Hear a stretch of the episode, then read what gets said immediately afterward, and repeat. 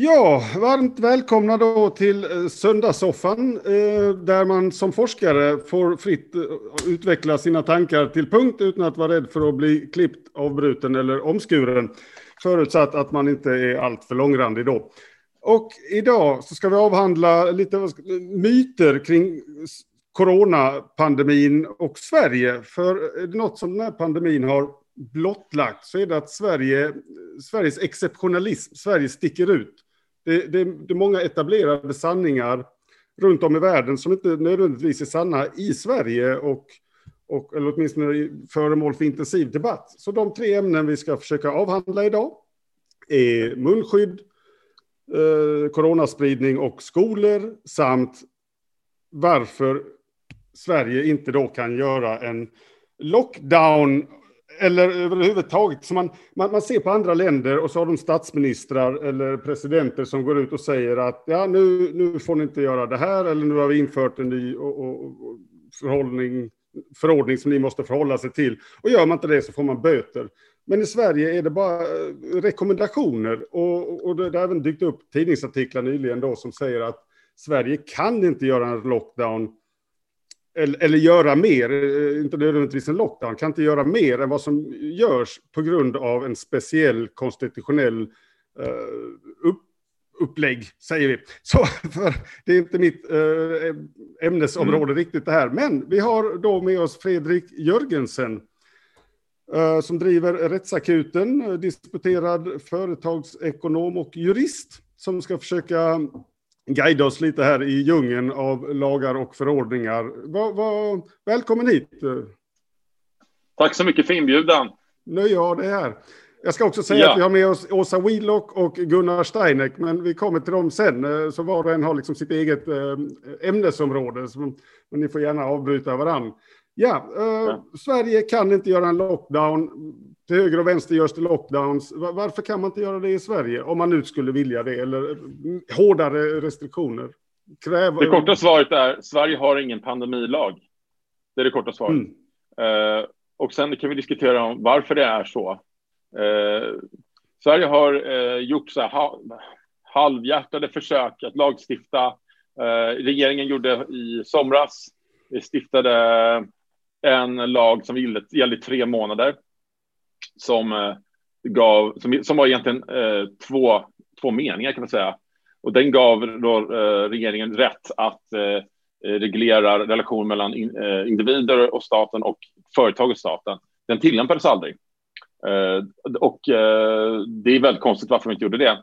Men det var, det var en, eh, en, en lag som eh, liksom försökte liksom göra så att regeringen fick befogenhet att eh, styra över att göra så kallad lockdown. Eh, och lockdowns gjorde ju inte, de tillämpar ju aldrig den lagen överhuvudtaget. Eh, det grundläggande problemet är, och därför jag måste komma till varf, vad är en lockdown och vad, vilka, och varför kan man inte göra det? Och det enkla svaret där är att eh, ja, det är, vi har ju regeringsformen. Och vad gör regeringsformen? Den garanterar eh, yttrandefrihet, den garanterar rörelsefrihet och mötesfrihet. Eh, ja, äganderätten bland annat eh, och opinionsfriheten, föreningsfriheten, ja. religionsfrihet och så vidare. Många av de här friheterna. Vad en lockdown gör är att den begränsar då människors rörelsefrihet. Som i Frankrike och Ryssland och Tyskland bland annat har man sagt ni måste vara hemma Annars så får ni en bot på varierande, man har ju hört olika, ända upp till ja, 10 000 euro och så där. Skälet till att man inte kan göra det här i Sverige är att vi har inget lagstöd för det. Vi har inget, man måste ha lagstöd i allt man gör, eh, i synnerhet om man är regeringen, annars ser det dåligt ut. Eh, alltså man har ingen beredskapslag. Det har de i Finland. Jag har just gått igenom den igår. Den är välskriven och den. Eh, jag kan rekommendera verkligen att läsa den. Den är. Jag skulle säga att det är ett föredöme. Hade man haft Men en bered... som jag blir statsminister så kan ju inte ja. jag säga till alla svenskar att nu ska ni måla era hus gröna, för jag tycker om färgen grönt. Va? Men, men, samtidigt så har vi nu en, en, en, pandemi, en väldigt exceptionell omständighet. Mm. Och då är det lite mm. frustrerande med en statsminister som påstår att han liksom är vinklippt, han kan inte göra någonting.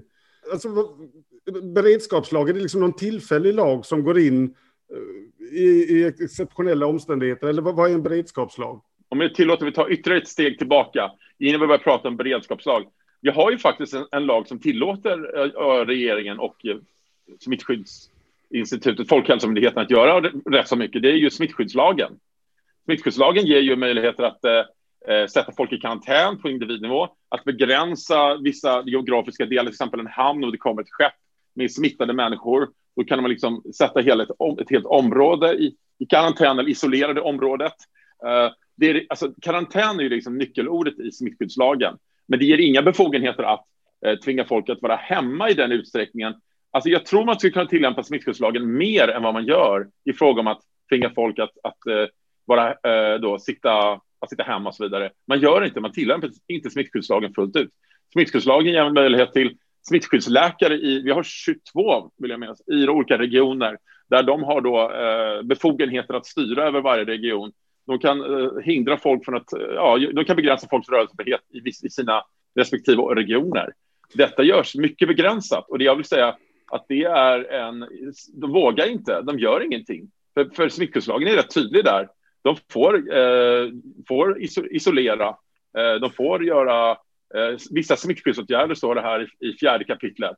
Jag har en vän eh, som kom från England igår. Han berättade att det hade skett då studenter hade anordnat privata fester och då hade de alltså fått, den som anordnar festen, han får 150 000 i böter. Och polisen kan ja. komma och knacka på och upplösa det mm. hela. Ja. Och I Sverige i, anordnades det i Stockholm en eh, halloween-salsa-party med 300 medlemmar. Ja. Eh, man hyrde en stor lokal, eh, tre våningar, dansgolv och det var en privat fest. Polisen kom dit och åkte därifrån för att det var en privat fest. Alltså hur... Ja, men därför att alltså, Storbritannien har egentligen ingen kodifierad grundlag. De har, det som är intressant med, med Storbritannien, de har alltså ingen grundlag. Det, det är att notera, de har ju common law, så de har, de har principer och liksom, som de baserar sin, grund, sin grundlag på. Men de, kan, de har ju beredskapslagar. Jag skulle säga så här, de länder som har fungerande beredskapslagar, är länder som varit med i krig under andra världskriget, vilket är majoriteten av länderna i Europa. Storbritannien, mm. Finland har fungerande, Tyskland, Frankrike, Ryssland. Alla de här har krig, fört flera krig de senaste hundra åren. Kan du förklara bara för oss som inte är insatta, vad är en beredskapslag? Ja, alltså jag kan bara ta som exempel den finska beredskapslagen.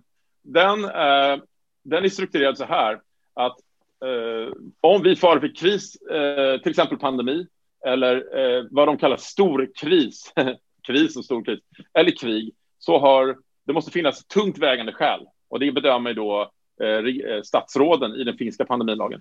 Statsrådet tillsammans med presidenten, du vet, de har ju en president där, tillsammans bestämmer att nu är, har vi rätt att utlösa eh, då, eh, beredskapslagen. Eh, och det, och det kan de göra omedelbart utan att fråga riksdagen. Riksdagen måste godkänna det här inom en vecka. Så en vecka har de spelrum att eh, ja, eh, då, det är mötesfriheten, det, är, det, det gäller alla väsentliga delar i samhället som rörelsefriheten, mötesfriheten, äganderätten i viss mån. De får alltså beordra företag att göra för att, att tjäna, folkets, tjäna folket och hälsan i händelse av krig. Ni känner säkert till alltså, eh, Roosevelt och hans eh, krigs, hur han styrde USA under andra världskriget. De gjorde om hela Amerika, Amerikas ekonomi till en sorts planekonomi med hjälp av sådana här typer av krigslagar. Att, att alla företag är tvungna att tjäna statens syften, det är nummer ett. Och så vidare. Så det är det som är en typ av beredskapslag. Alltså statens ändamål för hälsa och säkerhet då trumfar allt annat. Allt, alla friheter. Och, och, och det här kan man då göra i en exceptionell situation under en kortare ja. tid. Och ja. den möjligheten har alltså inte Sverige då inskriven. Men man kan ju tala om då enklare grejer. Det finns 300 människor har eh, samlats väldigt oansvarigt, dansar. Det är med all säkerhet ett superspreader-event. Chansen att någon där är smittad och sprider till många är stor. Och, och, och det här kan då dö. Och så, sådana befogenheter kanske alla kan vara överens om att det borde nästan polisen ha. Kunna säga att nej, nu får ni sluta med det här, åtminstone stänga av musiken mm. och gå hem. Och det kan man alltså då inte göra i Sverige. Men beror detta på ovilja från politikernas sida eller att det skulle vara rättsligt omöjligt att göra det? Sverige, det står Sverige fritt när som helst att stifta en beredskapslag. Jag förstår inte varför man inte har gjort det. För mig är det en gåta, ärligt talat, om jag ska vara tydlig.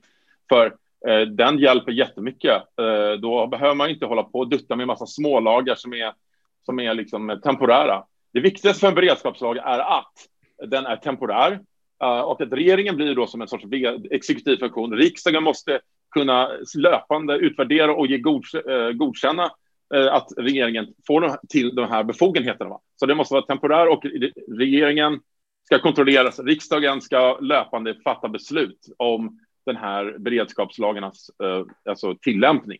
Det är de två viktigaste faktorerna. Eh, och sen så måste det självklart vara väldigt extrema saker som ska inträffa för att man ska tillämpa de här lagarna. Eh, men, de, men liksom... de håller ju på med någon pandemilag nu, det läste man för någon månad sedan. Mm. Känner man liksom, ja, nu, nu äntligen händer det någonting här och då skulle den vara färdig nästa sommar. jag läste också om det, men den, den, det är oklart vad den innehåller. De har inte eh, liksom avslöjat någonting om det. Det är olyckligt om det blir en pandemilag. Du ska behöva en generell beredskapslag. Eh, och den beredskapslagen ger också, den finska beredskapslagen, den ger också möjlighet till ersättning för om till exempel företag har förlorat pengar eller individer har förlorat pengar eller egendom för alltså regeringen då får ju möjlighet att expropriera egendom på kort tid för, för eh, då statens och häls alltså syften. Eh, det, det, den, de möjligheterna finns ju, men då får man ersättning efterhand eh, av mm. Det står ju reglerat tydligt, så att det ska inte vara ja, eh, någon sorts drakonisk lag, en diktatorlag. Det ska vara tillfällig för extrema åtgärder och då ska kunna återställa det för kompensation. Det är så en, så en beredskapslag ska struktureras. Vi har ingen sån i Sverige. Vi har ingen beredskapslag. Eh, lag. Det, och det är för mig är det bara ett dåligt. Vi har med oss Centerpartiets Anders W Jonsson. Jag vet, eh, Anders, att ni har riktat kritik mot hur lagstiftningen ser ut. Berätta, vad går kritiken ut på? Nej, men det här visar ju tydligt att den här lagstiftningen vi har idag, att försöka använda ordningslag och alkohollagstiftning för att tygla en skenande pandemi, eh, det funkar inte. Utan man måste få en lag som hindrar smitta på plats. Och det här är ju inte någonting nytt som har kommit upp nu utan det här var ju någonting som eh, KU och även JO sa redan i våras när vi fick den här tillfälliga lagen som gick ut den sista juni. Det här slår ju helt orimligt. Eh, operan den får man bara vara åtta personer på medan däremot Mall of Scandinavia där kan man vara tusentals som trängs. Eh, djurparken kan vara öppen men nöjesfältet måste vara stängt. Det här är fullkomligt ologiskt för allmänheten och undergräver ju därmed också förtroendet för hela regeringens sätt att hantera det här. Det är 50 men... ena dagen, 300 nästa och 8 den tredje. Men eh, Anders W Jonsson, om man ser till att det är en lagförändring som krävs eller en ny lag som krävs, är det inte ganska vettigt att det tar lite tid att, att komma till, till bordet med en färdig lag så att säga? Jo, om vi inte hade en pandemi just nu skulle vi kunna ha all tid i världen men alltså just nu går utvecklingen åt helt fel håll i Sverige. Eh, regeringen fick den här uppmaningen redan i mars månad men ingenting har hänt. Eh, vi har lyft det nu i socialutskottet och sagt att eh, nu måste riksdagen trycka på. Försöker skapa en majoritet i riksdagen för att ställa krav på regeringen att någonting måste hända. Eh, men att nu säga att det kanske nästa sommar har vi en lagstiftning på plats. Det håller inte i det här väldigt, väldigt bekymmersamma läget. Ja, nej, men det, det, var väl min nästa fråga egentligen. Att det här ska dröja ett år och tre månader att få en pandemilag på plats. Är det, är det, alltså, tar det så lång tid att ändra lagstiftningen? Är det någon tröghet? I, hur kan detta ta så lång tid? Men pandemin är ju över innan de har fått en lagstiftning i, i sjön, va? Man kan, eh, ska, ska man kan stifta en lag på en vecka om man vill, eller två, men eh, då, då kan det bli bristfällig beredning bara. En pandemilag enligt den finska modellen, den måste ju vara väl genomarbetad. Så det, det är väl mera en, om, om, om den här pandemilagen ska likna den finska beredskapslagen som är en lång lag. Det är, alltså, det är många. Så det är klart det tar tid. Men vi behöver en beredskapslag. Och det som är uppenbart här är att smittskyddslagen är otillräcklig. Den tar inte upp frågor som hur många människor man får vara på en restaurang, liksom teatrar, Mall Scandinavia, alltså rent, utan den diskuterar bara eh, smitt, alltså, individen och vad den får göra. Den diskuterar inte företag och liksom den, är, den är helt enkelt inte tillämpbar fullt ut över lång tid när det blir såna här eh, smittsamma pandemier. Alltså, den funkade bra kanske under aids-epidemin då smitt, smittan skedde genom blod, alltså blod kanske och saliv. Då var den helt, men, men här är det luftburet va? och då, kan ju, då är det en sorts halvläge där man inte, det är inte helt livsfarligt att gå ut bland befolkningen, man, bara man håller sig lite avstånd så. Men, men eh, för hiv var det en helt annan sak. Men i, ja. så den här, jag skulle säga att smittskyddslagen är otillräcklig och jag skulle säga att vi behöver en beredskapslag som, som då tar ett helhetsgrepp om det här. Fredrik, ja. får jag fråga dig en sak om det här med smittskyddslagen? Ja. För den ger väl egentligen ja. ett visst skydd? Det är ju, eh, Covid-19 har ju eh, det har beslutat att, att det är en samhällsfarlig sjukdom och då finns det, det ju en anmälningsplikt. Och det, det finns det. också en plikt för samhället att göra en smittspårning, ja. vilket man har avsagt sig i det här läget. Man har ända från början ja. sagt att vi kommer inte bry oss om att göra någon smittspårning. Ja, har man så, rätt att, att, att gå ifrån den lagen på det sättet?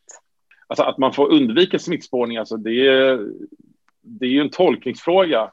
Jag skulle mm. säga att jag uppfattar inte att man kan undvika det helt och hållet. Uh, men som du säger, som, smittskyddslagen är, tillämpas ju också och det första man gjorde var ju att, att snabbt eh, definiera, det var det första åtgärden regeringen gjorde tror jag, redan i mars, att definiera covid-19 som en, en, en av de här eh, smittorna eller pandemierna som, man, som, som är då del av smittskyddslagen. Och det innebär då att man till exempel på en praktisk nivå så får ju de som är drabbade, de får ju eh, ersättning från, eh, de får eh, kan söka ersättning för den här från staten. Det sjukersättning. Om man har den så får man sjukersättning automatiskt. Eller, eh, så att det, ja, det finns, men den är otillräcklig. Som ni märker, som vi såg i den här i klippet då, så var det ju det är ologiskt att man får vara, bara träffas åtta personer i en liten grupp. Men så får man, och sen får man gå på Mall of Scandinavia hur många som helst. Och sen i skolan så är det också till och från. Eh, så det, det är ologiskt hur lagen är inte trovärdig då. Därför att det finns ingen helhetsgrepp. Eh, det finns ingen lag som, som tar helhetsgreppet om hela situationen på, på det sätt som smittskyddslagen borde ha gjort. Eh, eller så borde regeringen ha gjort en mer extensiv tolkning av smittskyddslagen. Det har de inte gjort. Regeringen har varit velig i lag... Eh, ett, jag får bara bryta in där. Ett problem med konceptet eh, låta forskare tala till punkt är att de aldrig kommer till punkt. Det har jag lärt mig. Jaså? Nej, det får bromsa mig. Får jag, får, jag, får jag, fråga Fredrik, det var någon som, som försökte illustrera det här med att polisen har rätt att hålla någon anhållen under 48 timmar. Men en ja. smittskyddsläkare kan göra det en vecka så att en smittskyddsläkare har mer möjlighet att isolera folk än, än polisen. Ja, det stämmer. Du kan hålla folk i karantän, men i smittskyddslagen så har man rätt att göra en omedelbar prövning i förvaltningsrätten. Så det ska expedieras momentant, alltså det är inom ett dygn eller två så ska det prövas ex officio alltså i eh, förvaltningsrätten. För det är ju, man inkräktar på rörelsefriheten som person. Då. Om någon skulle eh, ta dig och sätta dig i karantän, eh, då skulle du inte tycka om det, om det och då skulle du ha rätt att få det omedelbart prövat. För, för det är ju en inskränkning av rättigheterna enligt, som är bestämda enligt regeringsformen.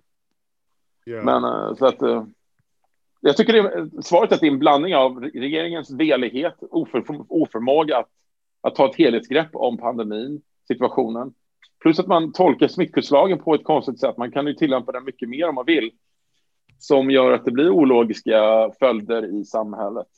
Och att vi har ingen eh, så här, beredskapslag det har, inte, det har inte Norge heller tydligen, men Finland har det. Just det, och Norge har det inte, men de har ju ändå lyckats eh, betydligt bättre med att... Eh, de är mycket hårdare. Ta, en, ta en alltså, proaktiv roll här. Så, så, vi ska avrunda här bara, så påståendet Sverige använder sig av råd och rekommendationer istället för eh, mm. påtvingande mm. lagar på grund av mm. en unik grundlag eller så, Nej. regeringsform. Sant eller falskt? Falskt.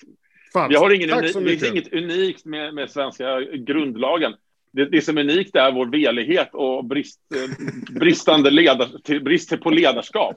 Att man inte skriver en pandemilag som, är, som man tillämpar, eller att man tillämpar smittskyddslagen, att man massa, kör massa av kringlagarna, ordningslagen, istället för att ta ett helhetsgrepp om situationen. Vi kommer ju sannolikt ha kvar det här i ett år, två år. Jag tror att spanska sjukan håller på i tre år eh, och det här kommer säkerligen hålla på i tre år också. Eh, ja. Så att så det känns som att eh, veligheten och bristen på förmåga att leda landet skulle jag säga. Alltså om jag ska vara ärlig och försöka vara objektiv så är det att man, man skulle snabbt fatta en, en allmänfattande, som en allmän lag som, som, har, där man ger regeringen beredskapsmöjligheter att, att ha den här extrema situationen. Alla så. våra grannländer har ju dem. Tyskland har, och Finland har. Så.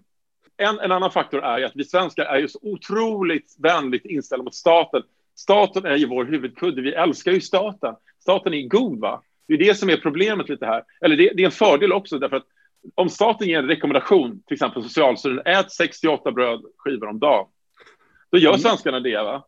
Eh, och när, när, staten säger ja, ni får inte samlas i, i större grupper än så här, då gör staten det. Men observera, det finns ingen sanktion. Ni, ni, det finns ingen sanktion nu som säger att eh, om, om ni träffas 100 personer i en lokal så kan inte polisen ge en bot för det här.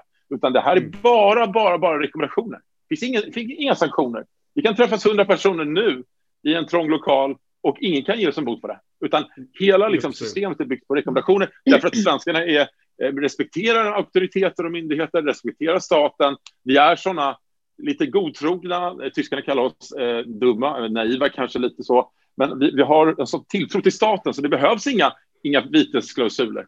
Men, men, men, där hamnar vi i ett annat narrativ som det är tveksamt om det är sant eller inte. För det har kommit en hel del eh, rapporter och några beteende på sistone om att svenskarna faktiskt inte alls följer de här rekommendationerna så, så himla mycket som, som man vill påstå. Och beteendevetare var inne på att det, det här med att sätta upp lappar om eh, vad man bör och inte bör göra, att det, det inte funkar. Men jag kanske, kan jag få ställa en eh, följdfråga då istället? Ja. Kör så Till Fredrik. Ja. Vi kanske kan... Um, för många andra länder har ju tillämpat det här med en, en, en full lockdown där, där varje mm. medborgare måste isolera sig och inte få gå ut och så vidare. Mm. Och det är ju någonting som vi kanske inte vill i Sverige. Jag tror allmänheten vill få ha den här friheten under ansvar kunna få gå ut och, och göra det de vill. Så ett mm. alternativ som, som också diskuteras mycket i, i eh, epidemiologikretsar är ju att istället ha ett celltänk. Att man försöker isolera grupper av människor så att de inte träffas mellan grupperna för att på så sätt begränsa mm. de här utbrotten. Ja. Och jag hade skickat en liten video till dig eh, som vi kanske kan eh, titta nu, på ja. gemensamt. Nej, eh, till Fredrik. Till Fredrik. Ja. Ska vi, ska vi visa den redan nu kanske med celltänket? Today we're going to talk about the Swiss cheese strategy to control the coronavirus. It's the key way to learn how to dance against the virus. So imagine that you have a community and how does the virus spread if you don't have any measure? Well, you're going to have some people coming into your community, seeding the infection. And then, if you don't control uh, anything, what's going to happen is that the virus is going to spread little by little from one person to the other. And that's what happened in March. So that's why a lot of countries around the world applied what's called the hammer right? You have all these cases coming into your community, and countries didn't really know what was happening because they didn't have enough testing and they were not prepared. And so they knew there were some cases and they knew these cases were growing exponentially, but they didn't really have a good sense of exactly how many cases there were. And so they applied the hammer, which means closing the economy, asking people to stay home so that uh, the uh, virus doesn't spread anymore, so that the hospital system is not completely collapsed, and to buy time for the government to better understand the virus and how to fight it. And with that hammer, uh, with people staying home, obviously the infections start going down. Now, the downside of that is it's extremely expensive because people spend money when they meet other people. And so if you prevent them from meeting other people, from going to the shops, uh, they will stop uh, consuming and the economy is going to go down. So what did countries do, especially in Europe? They applied the hammer and then they released it during the summer. What happened? Obviously, then you still have a few infections, and the infections continue spreading and they start going again again and again. And now the European countries are applying the hammer again. They did it in March and April, and it made sense at the time because we didn't know how to handle the virus.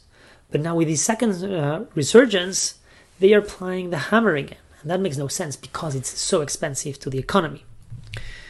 Some countries apply a full hammer where everybody needs to stay home, uh, but there's other ways to reduce social contact, things like closing clubs, having curfews, and things like that. So, what's a better strategy? It's what some people have called the Swiss cheese strategy.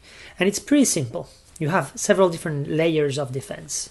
First, don't get infections into your community. Second, once they're in, prevent them from meeting other people. Third, when they do meet other people, prevent them from infecting them. And four, if they do infect these other people, identify and neutralize uh, those infections. And so these four steps, let's go into the detail for each one of them. First is the fence. And if you have a fence controlling who comes in and out, what's going to happen is that many of the people who were in, are infected and would have come into your community are going to bounce off and they're not going to be seeding new potential outbreaks. A fence is never going to be perfect, and so people might go through with an infection and seed the community.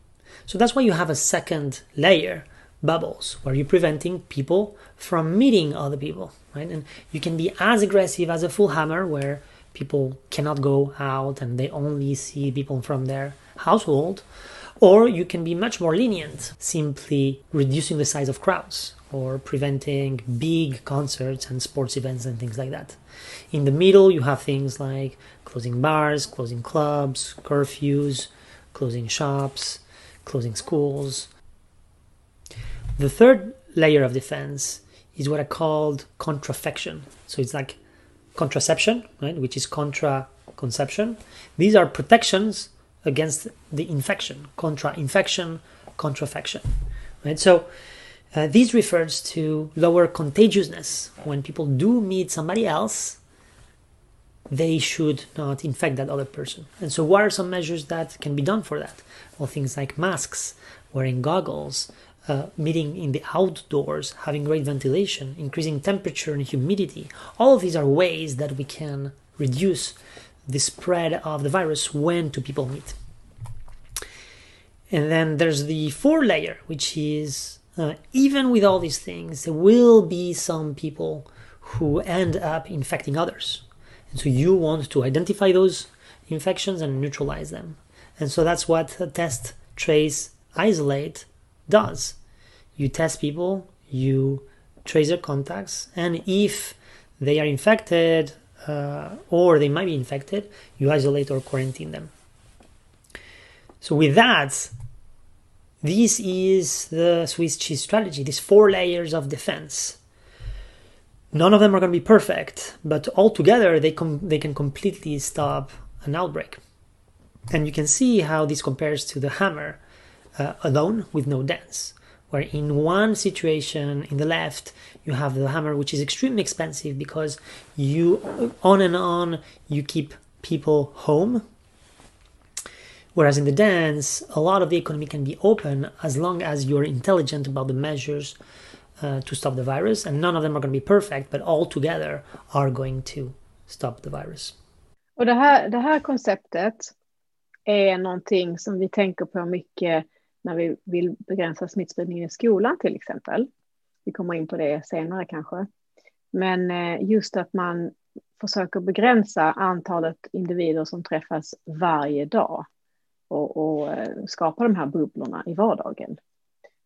Det måste ja. väl vara tillåtet enligt svensk lag? Alltså som, eh, det är en frivillig åtgärd. Men det är ju knappast att eh, mm. Folkhälsomyndigheten går in och styr upp det. Som Marcus sa så det var en frivillig åtgärd i Storbritannien. Eh, men alltså, i, om man skulle ge regeringen fria befogenheter att göra, ta till de åtgärder som krävs för att förhindra smittåtgärden skulle det kunna vara en strategi tvingande strategi med bötessanktioner. Men vi har inget, såna, ingen sånt lagstöd just idag. Men visst, ja. Men det är ett redskap för alla arbetsgivare och skolor att ta till om de vill. Ja, många lever ju i bubblor. Många äldre personer sitter ju bara hemma och går. Mm. Jag kryssar runt på stan och går i en cirkel två meter runt när de kommer på trottoaren för nästan gå ut i gatan. Liksom, för att eh, slippa vara nära någon. Det är det är frivilligt allting. Så smittskyddet i den här frågan, det är ju mångt och mycket en, en, en individuell åtgärd för att förhindra att man själv drabbas av det. Och det finns ju anledning för då riskgrupperna att mer um, ja, försiktiga. Det här är en individuell fråga, egentligen inte en rättsfråga, men det är att alla har ju rätt att vidta de åtgärder de själva anser korrekt för sitt eget liv. Ja, just det, men här, här, här är något som är väldigt missförstått upplever jag i debatten när till exempel Ulf Kristersson var ute och, och sa att varför har vi inte munskydd och så kom det då svar från politiker då, jag strunt samma vem, att ta på dig ett munskydd om du vill. Men vad man missförstår här är ju att det finns ju en klar korrelation mellan hur många som är smittade ute på bygden och hur många som dör i äldrevården. Alltså illusionen att man skulle kunna helt isolera de som äh, är i riskgrupp och, och, att det så skulle vara en individuell fråga, att ja, vill jag få covid, vill jag utsätta mig för den risken så får jag göra det. Det, det, det, det, det är fel helt enkelt ur vetenskaplig synvinkel, utan antalet döda korrelerar, kanske inte exakt linjärt, men i stora drag med mängden smitta som finns på bygden. Så... Jo, visst. Det där individuell frihet och rädda liv, försiktighetsprincipen kommer i konflikt med varandra. Jo, och det står ju i smittskyddslagen att, att man, man, har skyldighet att, att förhindra att smitta sprids. Det är ju tydligt i den. Men det finns ingen sanktion som säger att om jag vet att jag har smittan och jag smittar ner den eller den eh, och sen är det fråga om hur, det finns ju också det här att om man gör det medvetet, då är det ju kroppsskada, vållande och kroppsskada eller om man, de här personerna dör, då är det ju eh, alltså, för, alltså stämpling till mord kan det vara. Alltså, det kan vara Alltså, det, kan, det hamnar ju i, i brottsbalken, för det är ju åsamkar någon kanske död och det, det är ju det är reglerat i brottsbalken. Men det står ju tydligt att man ska förhindra splitta. Det är ju tydligt. Alltså, det, det ifrågasätter jag inte. Men det var en upp till var en att vidta de åtgärder de kan. Alltså var så som studenten i Uppsala som festade på här i höstas och, och, och det spredde som. Det var ju en jättesmitt här i Uppsala för att studenterna festade och träffades utan betänkligheter. Eh, eller om man gör som, som många äldre då, isolerar sig helt och hållet. Men, men, men egentligen har ju studenter i Uppsala skyldigheten att, att smitt, hindra smittan också. Ja, varsågod. Ja, ja, bara där, en, en, en intressantare tema var väl en halloweenfest som någon avdelning på Växjö sjukhus hade, alltså en avdelning som har halloweenfest och så blir de eh, coronasmittade halva bunten va, och sen går till jobbet.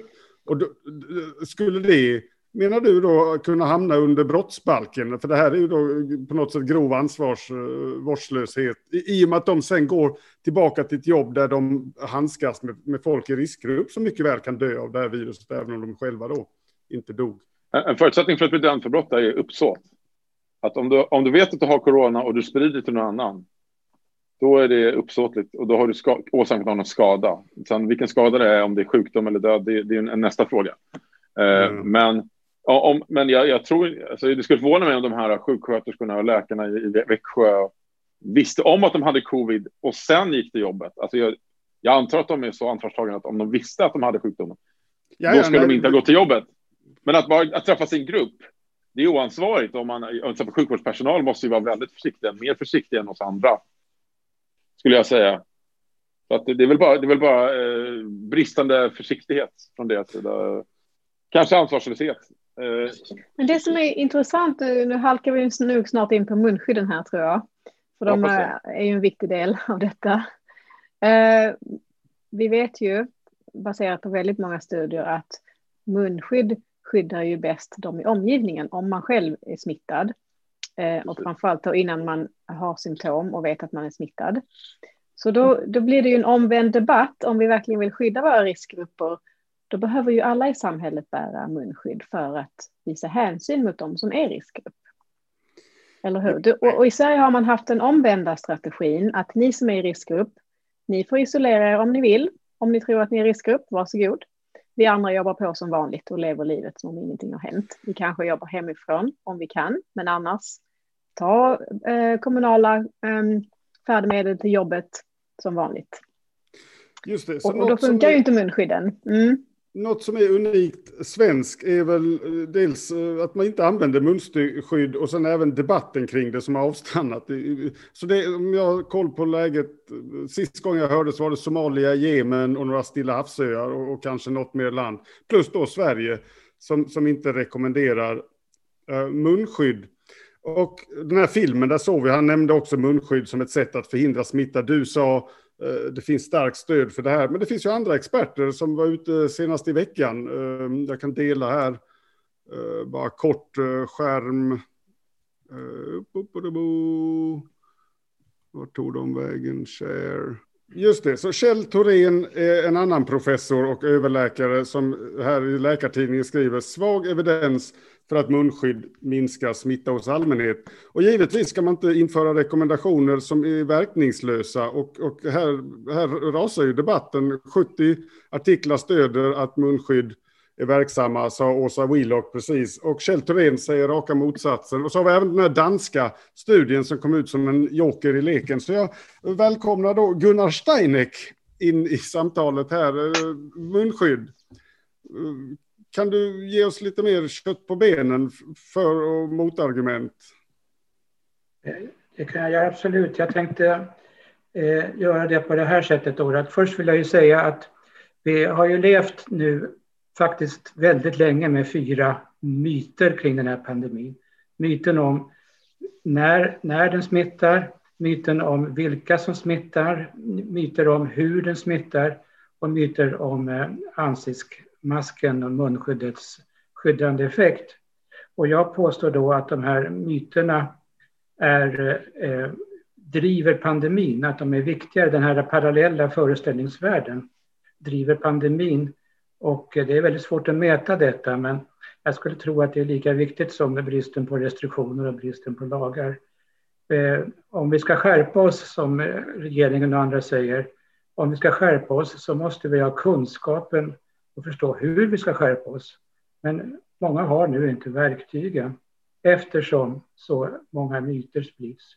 Och en myt är just detta om, om ansiktsmasken. Så jag tänkte visa några bilder här som en grund för den diskussionen. Och eh, på ett sätt så är ju debatten avslutad i och med att Kungliga Vetenskapsakademin kom ut med en rapport här i torsdags. Så är ju frågan avgjord. Någon tyngre vetenskaplig rapport kan vi inte få i Sverige. Det var ju några av de skarpaste hjärnorna, de främsta experterna, forskarna och även som, som skrev denna rapport. Alltså frågan är ju avgjord. Så istället för att, oh, ja. avgjuta, för, istället för att av, visa det så tänkte jag, Magnus, visa hur blev jag övertygad eh, under Marcus. Under, Marcus. eh, då ska vi byta tillbaka där. Vill du avbryta mig eller ska jag fortsätta? Nej, jag ville bara passa in att eh, det var ju, var det inte någon på Folkhälsomyndigheten som avfärdade den här Vetenskapsakademins rapport som att det här var laboratorieforskare? Alltså, jo, det var Johan, Karl, utan... Johan Karlsson sa det. Mm, att det var ju bara laboratorieforskare. Ja, eh, bara det, bara det, bara det ju säger anmärkningsvärt och eh, liksom glåporden han kastade under våras till de eh, forskarna som tog tredje uppgiften på allvar för att sprida sanningen och skrev i media om vad som gäller och vad som är sant. jag tycker ju att en myndighetschef, det, det, det, det, är ju, det är synnerligen anmärkningsvärt. Då. Men får jag dela då? Det är ju väldigt påtagligt att eh, om man hostar, skriker i en fotbollsmatch eller på en boxningsgala eller nyser, och om det här är då på en spårvagn eller på en buss, så sprids små, små droppar som då har de här virusen.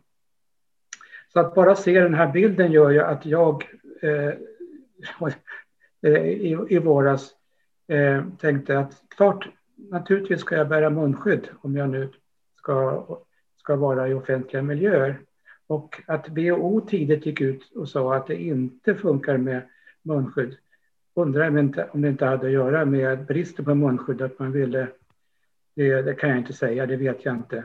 Men det var ju, det var ju väldigt olyckligt. Men sen fastnade Sverige i det som WHO sa väldigt tidigt. Och eh, medan WHO ändrade sig och alla andra ändrade sig så fortsatte ju Sverige det. Så att eh, det är en väldigt illustrativ bild och den här fick jag av eh, Christer Forsberg som är expert på munskydd. Eh, och det blir ju väldigt påtagligt när man ser en bild så här. Vi vet att eh, viruset sprids via små, små vattendroppar, aerosoler, och, eh, som, som, som har det här viruset. Och eh, det är, tycker jag, fullständigt självklart när man ser den här bilden att det blir färre små vattendroppar som går iväg om vi pratar, skriker. Och eh, om man, både den som har på sig en ansiktsmask och den som eh, inte ska bli smittad har på sig en ansiktsmask så, så, så utsätts vi för färre viruspartiklar. Och eh, ju, ju färre viruspartiklar vi blir utsatta för, desto mindre är risken att bli sjuk. Och har vi riktigt tur kan det vara så att om vi blir utsatta för få viruspartiklar så, så får vi igång immunsystemet utan att bli sjuka. Nästa eh, eh, som jag liksom tyckte att eh, nu, nu, det var ju då data.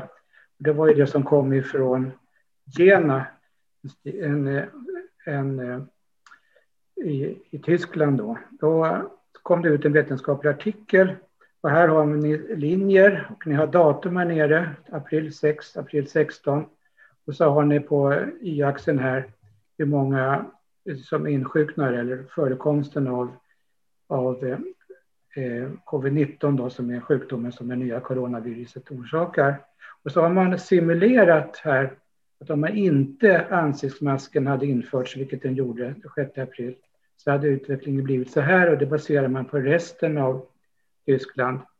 Och, eh, men istället så vek det av och eh, man har en effekt som syns tydligt kan man säga efter tio dagar. Så att eh, med de här data och de här bilderna och animationen då, då tycker jag att frågan är ju i stort sett, eh, i stort sett avgjord. Då. Och eh, sen eh, så har det ju kommit en rapport och då har det, det kom ju väldigt många rapporter då. Det var frisörer som stod med munskydd. In, båda var sjuka, de smittade sina familjemedlemmar, smittade inga, inga kunder, alltså det skyddar så. Men också eh, på det schweiziska hotellet när någon smittade, de som hade visir blev smittade, men de som hade munskydd blev inte smittade. Vi har kvinnan på Starbucks som satt vid en, med, vid en fläkt och, och infekterade en, en hel där. Och vi har hangarfartyget Theodore Roosevelt där, där smittan spreds och de som använder munskydd i mycket utstr mindre utsträckning eh, blev smittade. Och kom ihåg att det här är enkla munskydd, det är inte de här tätare som sjukvårdspersonal har alltid använt, och FFP2 och FFP3. De vet vi ju, de har, man har ju år, år ut och år in har man ju jobbat med väldigt svårt infektiösa patienter. Och eh, eh, inte blivit smittade. Så de, de vet vi att man skyddar tillsammans då med annans skyddsutrustning. Sen kom ju den här, förlåt Marcus, vill du säga något? Ja, nej, fortsätt du. Eh, sen, sen kom ju den här danska studien nu då.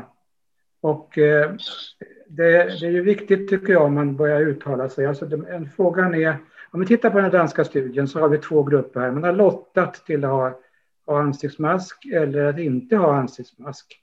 Där är Danmark. Och det här under en månad. Man skickade ett enkelt kirurgskydd till dem och, och bad dem använda ansiktsmask utanför hemmet. Om vi går ner och tittar på raden här, diagnostiserade med det, det främsta sättet att diagnostiseras, det vill säga med PCR, så är det alltså ingen, ingen individ, noll, av de som har ansiktsmask som får den diagnosen här. Medan det är fem här, kontrollgruppen, och ja, hur ska vi titta på de data då? Ja, 0 mot 5, om vi slänger ett mynt fem gånger. Eh, och hur, hur, ofta blir det då klave, det vill säga att man i det här fallet hindras? Ja, första gången 50, 25, 12,5, 6, 25, 3,1 procent. Så att egentligen är det här då statistiskt säkerställt visar att, man, att, att ansiktsmasken skyddar, en enkel kirurgskydd skyddar Eh, om vi tar det här utfallet då, alltså att man diagnostiseras med PCR. Nu Men det var ju motsatsen som basunerades ut eh, via media som jag förstod det. Ja, alltså jag, väl, jag har väldigt svårt att förstå hur Kjell Thorén, som du visade här, och andra, varför, varför de har tagit till sin uppgift att reproducera en myt som inte är sant. Vi, menar, vi vet ju redan från vetenskapligt, den här kungliga vetenskapsteorin. Det här studien kommer senare, därför visar jag den. Vänta, alltså, ursäkta, får, får jag bara bryta här? Alltså, man måste kunna göra T-tester på att se om det här är statistiskt säkerställt. Jag ser ingen T-test. Det här som du räknar upp, det här myntet, jag köper inte det resonemanget. Eh, det, det är statistik så gör du ju statistisk säkerhet i två kontrollgrupper så gör du ett T-test.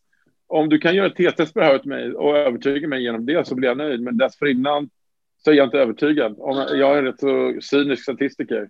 Ja, ursäkta, mig, men du har, ursäkta mig, men du har helt fel. Totalt galet resonemang. Varför då? då? Utan, utan en T-test eh, bygger på att du har större grupper där du har normalfördelning. Det, det har Aha. du inte här, utan då gör du en eh, Fischers exakt test eller tänker på det sättet jag gör. Va? Men, problemet okay. är, men problemet är naturligtvis att det är 0 mot 5, va? så att om det finns något systematiskt fel, någonting annat, mm som hade, som hade ändrat det här till 1,5, då är det inte längre statistiskt säkerställt. Min poäng är, och sen tittar vi på de som har lagts in på sjukhus, det är alltså 5 mot 10 då, va? så det är en dubblering i kontrollgruppen. Min poäng är följande, den här studien, som alltså kommer efter att Kungliga Vetenskapsakademin har tagit sig tid, de främsta, väldigt, väldigt, Sveriges, de Sveriges främsta experter kommer fram med ett mm. tydligt dokument. Du kan inte få ett tyngre vetenskaplig rapport. Va? Och eh, så är frågan klar. Den här studien adderar utöver den. Va? Och den har ju blivit mm. totalt missuppfattad i, i, i, och, och, och, av kollegor som går ut. Och jag förstår inte varför kollegor ska ägna sig åt att reproducera myter istället för att eh, läsa ordentligt en, en artikel så här och eh, berätta för allmänheten vad som är sant. Det är liksom vår uppgift. Men, men Får jag göra en kommentar ja. också? För att den här studien, det som jag tror har missförståtts väldigt mycket också, ehm, är att den här studien testar ju hur väl man skyddar sig själv om man använder en ansiktsmask. Och jag tror det har mm. visats mm. i ganska många studier att en ansiktsmask skyddar bäst när man själv är infekterad mot att smitta andra. Så det är det som det här visar, eller? Nej, det här smittar hur, hur, väl, visar hur väl man skyddar sig själv, är det inte så? Själv, ja, just det. Ja, ja. Mm. Och det är inte det som är den största effekten med eh, en, eh, ett munskydd. Okay. Så att studien okay. studerar egentligen någonting helt annat än det som diskuteras i media, vilket är intressant. Om det nu mm. finns ett 70-tal studier som visar att det minskar den allmänna smittspridningen mellan 10 och 80 procent, olika studier visar olika, så är det mm. väldigt intressant att i Sverige och speciellt då Folkhälsomyndigheten har valt att fokusera på en studie som visar minst effekt. Det är ju inte så man normalt hanterar vetenskaplig forskning, utan man tittar på hela litteraturen som finns mm. om ett ämne och sen gör man en utvärdering av vad hela litteraturen gemensamt säger. Eh, Kanske för att det passar den svenska strategin bäst, att eh, vi använder ja. inte masker särskilt mycket. Och då tänker man att det spelar vi, ingen roll. Det är det vi, som är... Vi, vi forskare brukar ju rynka på näsan när man gör så att man väljer ut en studie som stöder det man själv tycker. Och, jag skulle ja. nästan i det här fallet vilja säga att Folkhälsomyndigheten har visat en närmast religiös övertygelse om att munskydd inte fungerar. Um, Anneli Megner Ahl gjorde en jättefin summering av det i TV4 för någon vecka sedan, där hon, där hon fick hela underlaget av litteratur som Folkhälsomyndigheten använder för att eh, göra sina beslut om rekommendationer. Och hon fann ju att, att merparten av de studierna faktiskt visar att munskydd drar ner smittspridningen. Eh, ni får gärna mm. titta på det avsnittet sen om ni vill. Alltså, får jag bara inflika här, alltså, angående munskydd. Det står i smittskyddslagen att varje individ har skyldighet att inte sprida smitta vidare. Om mm. regeringen hade tolkat det här, eller Folkhälsomyndigheten hade tolkat det här på ett extensivt sätt, så hade de sagt kunnat hitta evidens för att eh, de här munskydden hindrar smitta och sagt att alla måste ha munskydd därför att det hindrar smitta. De hade kunnat tillämpa smittskyddslagen om de hade velat mm. det eller förmått det. Alltså det är för det som är svaret. Om de hade haft förmåga, jag vet inte vad som är felet, men det, det, de väljer att inte göra det. Mm. Mycket eh, intressant eh, invinkling där från Fredrik. Jag har, jag, Eh, alltså det, det, det, är återigen myter. Va? Det, eh, mm. eftersom man hela tiden har upprepat mantrat stanna hemma om du är sjuk så har ju den här mm. myten uppkommit att man bara smittar om man är sjuk. Va? Och det gäller ju för sars-cov-1, mm. det första viruset. Men nu är det ju så att man är smittsam kanske tre, två eller en dag innan man insjuknar. Då är man som mest smittsam. Så man vet ju inte om att man är en smittbärare. Och eh, det, eftersom den myten hela tiden reproduceras så, mm. så eh, eh, har ju det hindrat det här. Eh, jag har två bilder till Fredrik. Ja, men, men, men jag, jag, jag, skulle, jag har en fråga här. Det finns väldigt många intressanta trådar här nu som, som går parallellt. Va? Det ena är liksom, okay, munskydd, skydda sig själv kontra skydda andra. Så den här studien som ni sa, den tittar ju bara mm. på den aspekten, skyddar man sig själv. Men vad jag, vad, vad jag skulle vilja lyfta här innan vi går vidare är att den här studien var ju, de hade tydligen, det måste vara samma, det är en dansk studie, de hade skickat till Nature Science och, och, och en, en, tredje väldigt prestigefylld journal och, och blivit mm. refuserade, vilket ledde till massa rykten för någon månad sedan i media att det skulle vara någon slags konspiration mot forskning som inte stödjer eh, då mm. munskydd. Och, och sen nu har de tydligen då fått den publicerad någon annanstans. Jag, jag gissar, jag är inte hundra procent säker på, rätta mig om jag har fel, men det måste ju vara samma studie jo. frågan om. Uh, och nu har de fått den publicerad någonstans och, och, då kommer det i media att en dansk studie visar att munskydd inte har effekt. Men det du visar här, vad vi sitter och tittar på, verkar ju stödja tesen att munskydd, alltså det där svagare skyddet, att man skyddar sig själv, det finns ju Eh, det är ju inget här som tyder på motsatsen, att det inte skulle... Eh, Nej, alltså bakgrund, bakgrunden, till att, bakgrunden till att de inte publicerar kan jag tänka mig att det, det här visar ju ett stöd för att bära munskydd med en randomiserad studie. Och eh, det finns, eh, ja, det, det, finns få, få sådana studier tidigare. Men, men varför har det stödjer, stödjer, som säger motsatsen? Ja, därför att det här inte stödjer... Alltså jag kan inte uttala mig om varför vi i Sverige har en massa personer som reproducerar en myt som inte är sann. Och när det kommer fakta, kalla fakta, som hotar de här myterna, som hotar den här falska föreställningsvärlden, så är det många som kommer ut, då, inklusive som det visar Kjell Thorén, som på något sätt vill, vill skydda oss mot verkligheten och mot det som är sant. Men bakgrunden till att, att eh, den kommentaren är att de använder alltså en sammansatt endpoint och det är det som har kommit ut. De flesta läser ju bara abstract. Och där, där finns ju då 1,8 procent när man har mm. satt samman olika saker och 2,1 procent. Va? Mm. Och, det var det där det... som citerades i media. Ursäkta, ursäkta jag avbryter, ursäkta jag avbryter. Men just, just de här 1,8 som citerades i media och 2,1 var den där siffran som var 0,03 procent skillnad. Det var det som de använde som stöd för att säga att det inte var någon effekt. Så sa jag för mig att det citerades i den artikel jag läste i alla fall. Ja, ja och där, där kan man ju då säga två saker. Det är ju återigen även den här sammansatta endpointen då. Så är det ju en, skill mm. en skillnad. Där är 0,3 procents skillnad absolut. Va? Mm. Så, till, till fördel för face mask. Och när man har en, har en viss skillnad men den är inte statistiskt säkerställd och det kan man se på det här konferensintervallet som du tycker om att titta på. Ja, absolut. Eh, då ser man ju att det går nästan ner till, till 0,54. Det här är inte en kvot då, eh, som är en, en procentkvot utan någonting annat och går upp dit. Va? Och eh, ja, då kan man ju säga att det beror på två saker. Det ena är att det här är den, det här är den sanna effekten, men eh, eh studien är för liten för att visa den så att det blir statistiskt säkerställt. Eller att det uppkommer slumpen. Va? Och då är det absolut så att att om någonting uppkommer, alltså om man ser sådana här saker, det är inte statistiskt säkerställt. Det är ju aldrig, i någon studie har det aldrig varit evidens för motsatsen att det här inte har en effekt. Va?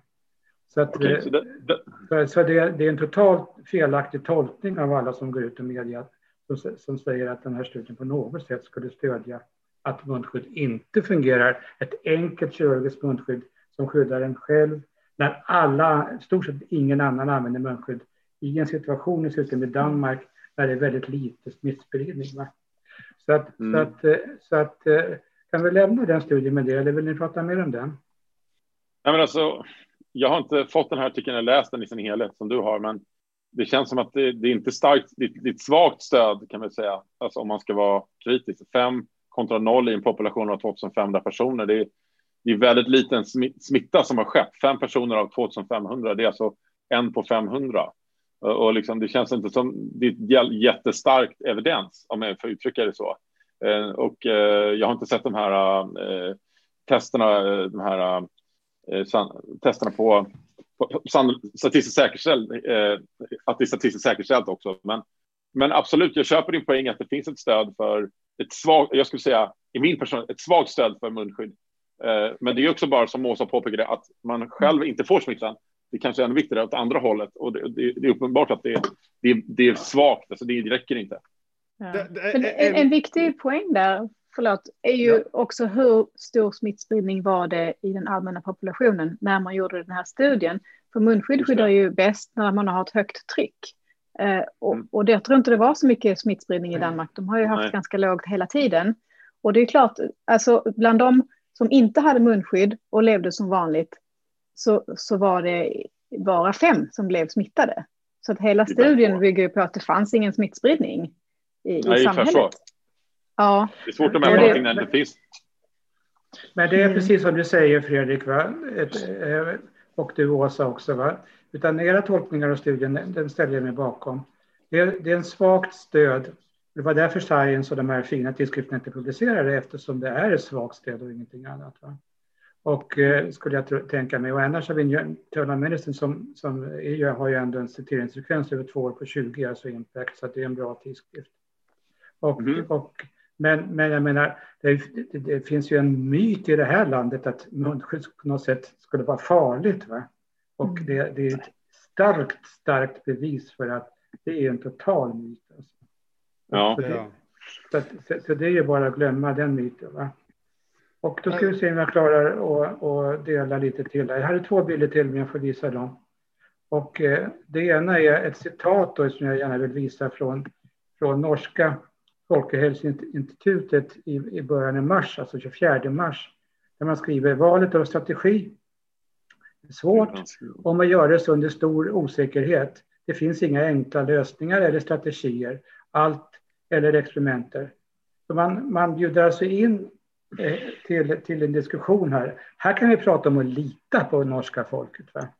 Här säger man som det är, att det vi gör, vi har, vi har i stort sett ingen eh, aning om det här är det bästa eller om någonting annat är bättre. Men man skriver i samma dokument att vi vill stoppa smittan. Vi vill förhindra smittan, vi vill slå till med hammaren. Mm. Var ju det man gjorde och man lyckades stoppa det är därför de har eh, mindre än en tiondel så många dödsfall och mer, rimligtvis också eh, en lägre antal långtidscovid, kanske tiondel mm. så många med långtidscovid som i Sverige. Va? Okay. Och, och sen vill jag bara visa en bild till. Eh, jag tänkte så här att Snart är det jul och det ska bli jävligt skönt att, börja, att vi kan tänka på någonting annat. Alltså. Men... Ja, just det. Covid-apelsinen, eller corona-apelsinen. Så det ska bli skönt att tänka på något annat. Ja, jag kanske också kan få dela en bild då. Det var ju väldigt snygg den här sista. Som, här, mm. som eh, passar bra in här. Är det okej? Okay? Ja. Du, du låste dig så här. Aj, aj, aj. Jag vet inte vad som har hänt. Ja. Så, så den, den här är från ett, um, ett. PEK som är, håller på att bli publicerat i PNES, som också är en väldigt högt rankad journal. Och uh, man, man, kan se då här på, på ena axeln så ser man procent av befolkningen som använder munskydd. Mm. Och på x-axeln kan man då se hur effektiv är den här det här munskyddet för att blockera virus som kommer ut. Och det kan ju mm. vara olika, olika anledningar. Det, kan ju vara, det ena kan ju vara att man inte är så bra på att använda masken, som ju ofta är det argumentet som används i Sverige, att nej men svenskar klarar inte av att använda mask, så det är inte lönt att vi rekommenderar det. Det är det största mm. argumentet som, som Folkhälsomyndigheten brukar gå ut med. Det andra kan ju vara att man använder mycket enklare mask, bara en tygmask som man tar hem och tvättar i tvättmaskinen eh, och så vidare. Och, och, det som är målet för att få den här pandemin att gå neråt istället är ju att få ner det här så kallade reproduktionsvärdet. Ni har pratat om det i många söndagsoffer innan. Men om man mm. inte gör någonting så är reproduktionsvärdet ungefär 2,4 tror man för coronaviruset. Mm. Det betyder att varje person infekterar 2,5 ytterligare i genomsnitt. Och för att få kurvan att vända neråt så måste vi ju infektera en person eller mindre för att kunna, för att kunna avbryta pandemin helt och hållet. Så då kan man då säga att vi, vi behöver vara i det här blåa fältet.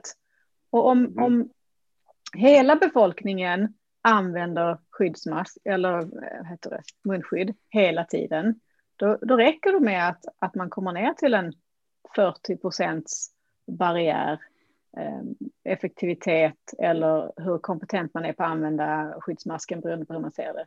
Så kommer vi ner under ett och pandemin kommer att avstanna. Så mm. om alla använder det så behöver man inte vara så bra på att använda munskyddet. Men Om man istället tittar här borta, om bara hälften av befolkningen använder eh, munskydd, eh, då måste de, de 50 procenten av befolkningen vara väldigt, väldigt bra på att använda dem. De måste kunna komma ner i 100 procent blockering av viruspartiklar för att det ska, hela eh, befolkningen ska bli skyddad. Så det är olika sätt att tänka på det. Om alla använder munskydd så gör det ingenting att vissa slarvar och vissa inte är så bra på det. Jag tyckte det var en, en, en bra eh, graf att titta på. Jag har en personlig här, hypotes om varför vi har så mycket mer smittspridning i Sverige än det var i Norge och Danmark och Finland. Som du sa, tio gånger fler. Och jag tror att det är framförallt äldreboende som har drabbats. Och eh, jag har inget, här, inget stöd för det annat mina personliga observationer. Men det var en fundering som jag tänkte vädra. Jag tror att våra äldreboenden har väldigt många timanställda där det kommer liksom 10-20 nya personer till, till äldre varje vecka eller varje dag, alltså till och med varje dag. Det kan vara, jag, jag vet att man äldre som har kanske fem personer om dagen, olika personer hemma hos sig. Och att det under en vecka kan det vara 20 olika personer. Eller, alltså det är enorma olika kvantiteter. Och att min personliga teori, som jag inte har stöd för, är att det är den här mängden av timanställda som gör att vi har eh, sån spridning och, dö, och sån hög dö, dö, dödstal bland äldre i Sverige. Jag tror inte att det är lika samma sak i utomlands. Har ni några reflektioner om det? Ja, jag har absolut en reflektion på en gång. Va? Och jag skrev en artikel med Dag Telle i Svenskan och han är epidemiolog och, och eh, är i Norge. Det har alltså en massa myter nu som reproduceras kring varför vi har tio gånger fler dödsfall och säkerligen tio gånger fler med långtidscovid under unga personer än Norge. En av de myterna är att det var eh, det här med resande. Då. Man påstod då från olika håll att resandet var större i Sverige. Det är precis tvärtom då, utan resandet, statistiken är någonstans mellan 40 och 50 procent mer i, i Norge. En annan myt är detta med äldreboenden som du tar upp, Tora. Och jag hörde just eh, en podd från New England Journal of Medicine som är alltså den, en av våra främsta medicinska tidskrifter där en norsk eh, expert pratade här i torsdags. Hon sa att tyvärr har man ännu inte lärt sig i, i, i norsk äldrevård och inte ställt om där i Norge. Vi tror att de är bättre på allt, men det här har de inte fixat. Va? Så att de har samma problem där. De har, eh, de har eh, inte ordentligt med, med testning av den personalen. Eh, och eh, eh, man har också besöksförbud, va? vilket är fullständigt onödigt om, om, om personalen testas och om alla eh, brukare och anhöriga använder eh, ansiktsmask, speciellt om man använder FFP2 och FFP3. Det är extremt grymt det som pågår, helt onödigt om vi tar bort mm. med ansiktsmask. Sen är det också så att i Norge så, så avled en större andel eh, på institutionen än i Sverige, va? vilket är en indirekt mm. tecken då på. Så att eh, glöm det här att eh, okay. det, att det förklarar någon skillnad mellan Sverige och Norge. Det är helt fel, det är okay. återigen en myt som reproduceras. Däremot är det ju sant att i båda länderna så sker det du säger. Och eh, så att en, en, en, kraftfull regelbunden testning och där, där brukar Anders Wahlnander säga att om vi har snabbtest som kanske som har lite lägre känslighet så, så räcker det ändå att man att eh, liksom, så fångar man i alla fall en viss andel, till, exempel 60 eller 70 procent, kanske Åsa vill kommentera. Och, och eh, en eller två gånger i veckan och sen återigen ordentlig användning av munskydd. Och vissa privata hemtjänster, min mamma sköttes av Åkeslunds hemtjänst, liten privat och där förde man in munskydd redan före sommaren, Attendo Care gjorde det. Så att, så att eh, hemtjänst, äldreboende två olika saker. Eh, mm, institution och, institutionerna ser ut lite annorlunda ut i, i, i Norge. Detta förklarar icke på något sätt skillnaden mellan länderna. Det är bara myter, det här med andel invandrare kan inte på något sätt eh, väga upp eh, eh, resandet. Finns, det här med influensa var ju totalt galet. Så att det bara, man, man försöker hela tiden liksom förklara bort det här. Va? Okej, men då, då, kan jag ställa frågan till dig direkt då. Vad är enligt dig den evidensbaserade skillnaden till att Sverige har då tio gånger fler långtidssjuka och korttidssjuka i covid än Norge? Det var intressant att veta.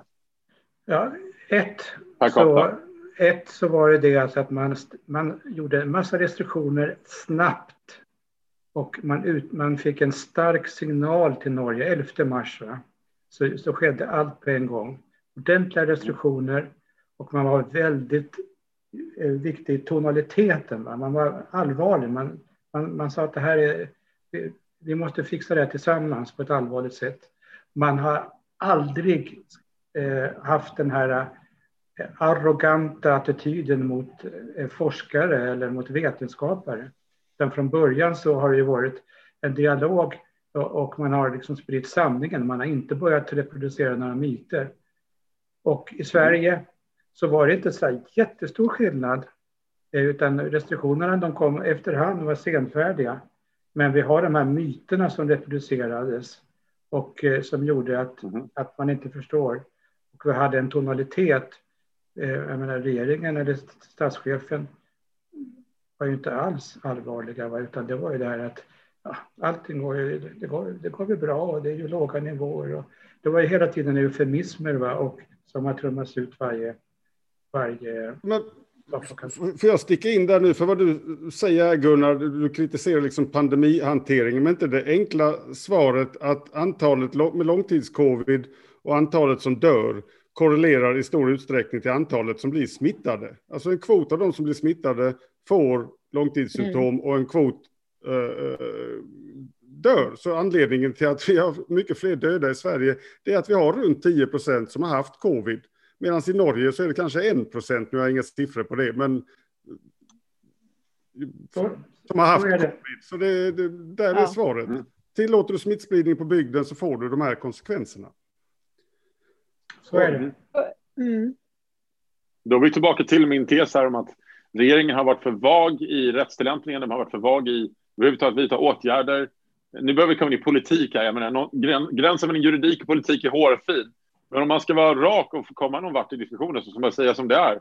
Och det är alltså, men uppenbara, det, det stödjer att regeringen har inte gjort tillräckligt mycket på, på rätt tid och tillämpat rätt lagar på rätt sätt. Och det är uppenbart att smittskyddslagen tillämpas inte.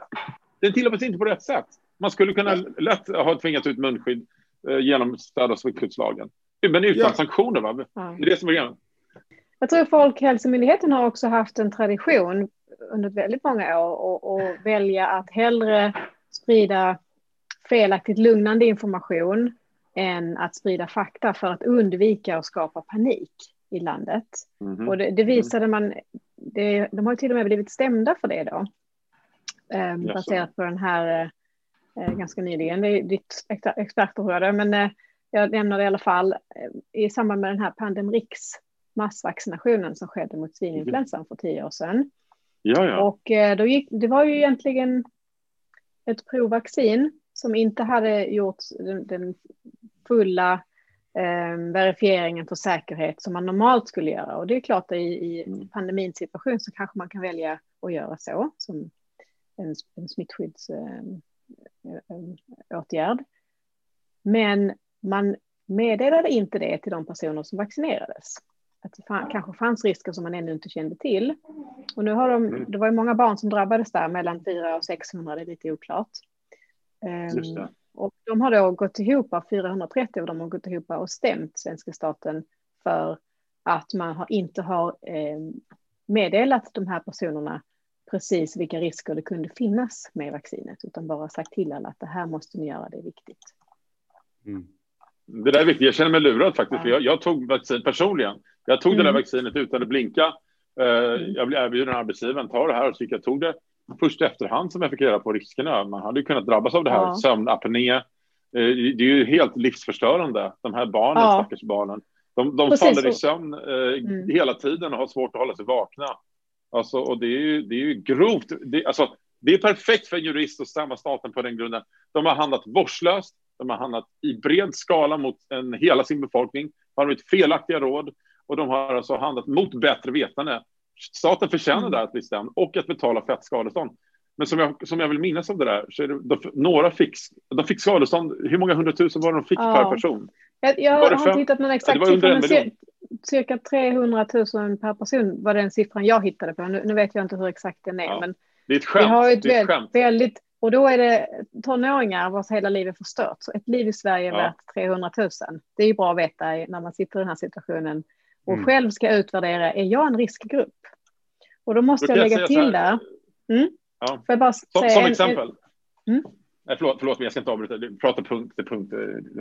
Jag skulle bara säga en kort sak till. att um, vi, då, FHM har ju hela tiden utgått från också att vi vet vilka riskgrupperna är. Men vi har, vet ju ingenting om riskerna för de här långtids-covid-sjukdomarna eller Kawasaki-lika sjukdomen som drabbar barn. Vi vet inte alls mm. vad riskfaktorerna är där. Så då måste man utgå från att alla i Sverige kan vara riskgrupp utan att veta om det. Ja, det, det, det där, jag släpper in det Fredrik, jag måste bara få ja. säga det här. Definitionen av riskgrupp kom i mm. juni. Alltså hela april, maj säger man vi skyddar riskgrupperna, men man har inte bestämt vilka de är. Nej, jag, jag jobbar själv med lungsjukdom och eh, den 15 april skrev jag till Folkhälsomyndigheten och erbjöd mig att hjälpa dem att skriva lite mer detaljerade information om riskgrupper just för lungsjuka för att jag tyckte den var bristfällig. Och mm. de var helt ointresserade av det. Mm, förlåt Fredrik, nu är det din tur. Nej, alltså, du, jo, du nämnde, du, du nämnde vad, vad, vad, du nämnde siffran för vad priset för ett liv är värt. Och då kommer mm. jag bara tänka på att det finns andra, man brukar räkna med att ett pris för ett liv är 7 miljoner när man bygger vägar. Det finns att man, man bygger motorvägar, hur mycket, hur mycket man villig för att spara, ett, betala extra för att bygga de här mitträckena du vet, till exempel, eller bygga bättre skydd. Va? Och då, då, en siffra jag sett var 7, 7 miljoner. Men eh, det är, väl, det är väl för vuxna, det är väl bilförare som är värda 7 miljoner. Ungdomar kanske är värda 300 000 då, om man ska jämföra. Ja. Det är alltid kul. De här siffrorna är alltid kul, för som är man ekonom och man säger att hur mycket ett liv är värt, då kan vi ju räkna på det. Va? Det betyder att 20 stycken barn är värda lika mycket som en bilförare på en väg. Ungefär 24. Eh, och det där, när man kan räkna på det blir det mer intressant. Mm.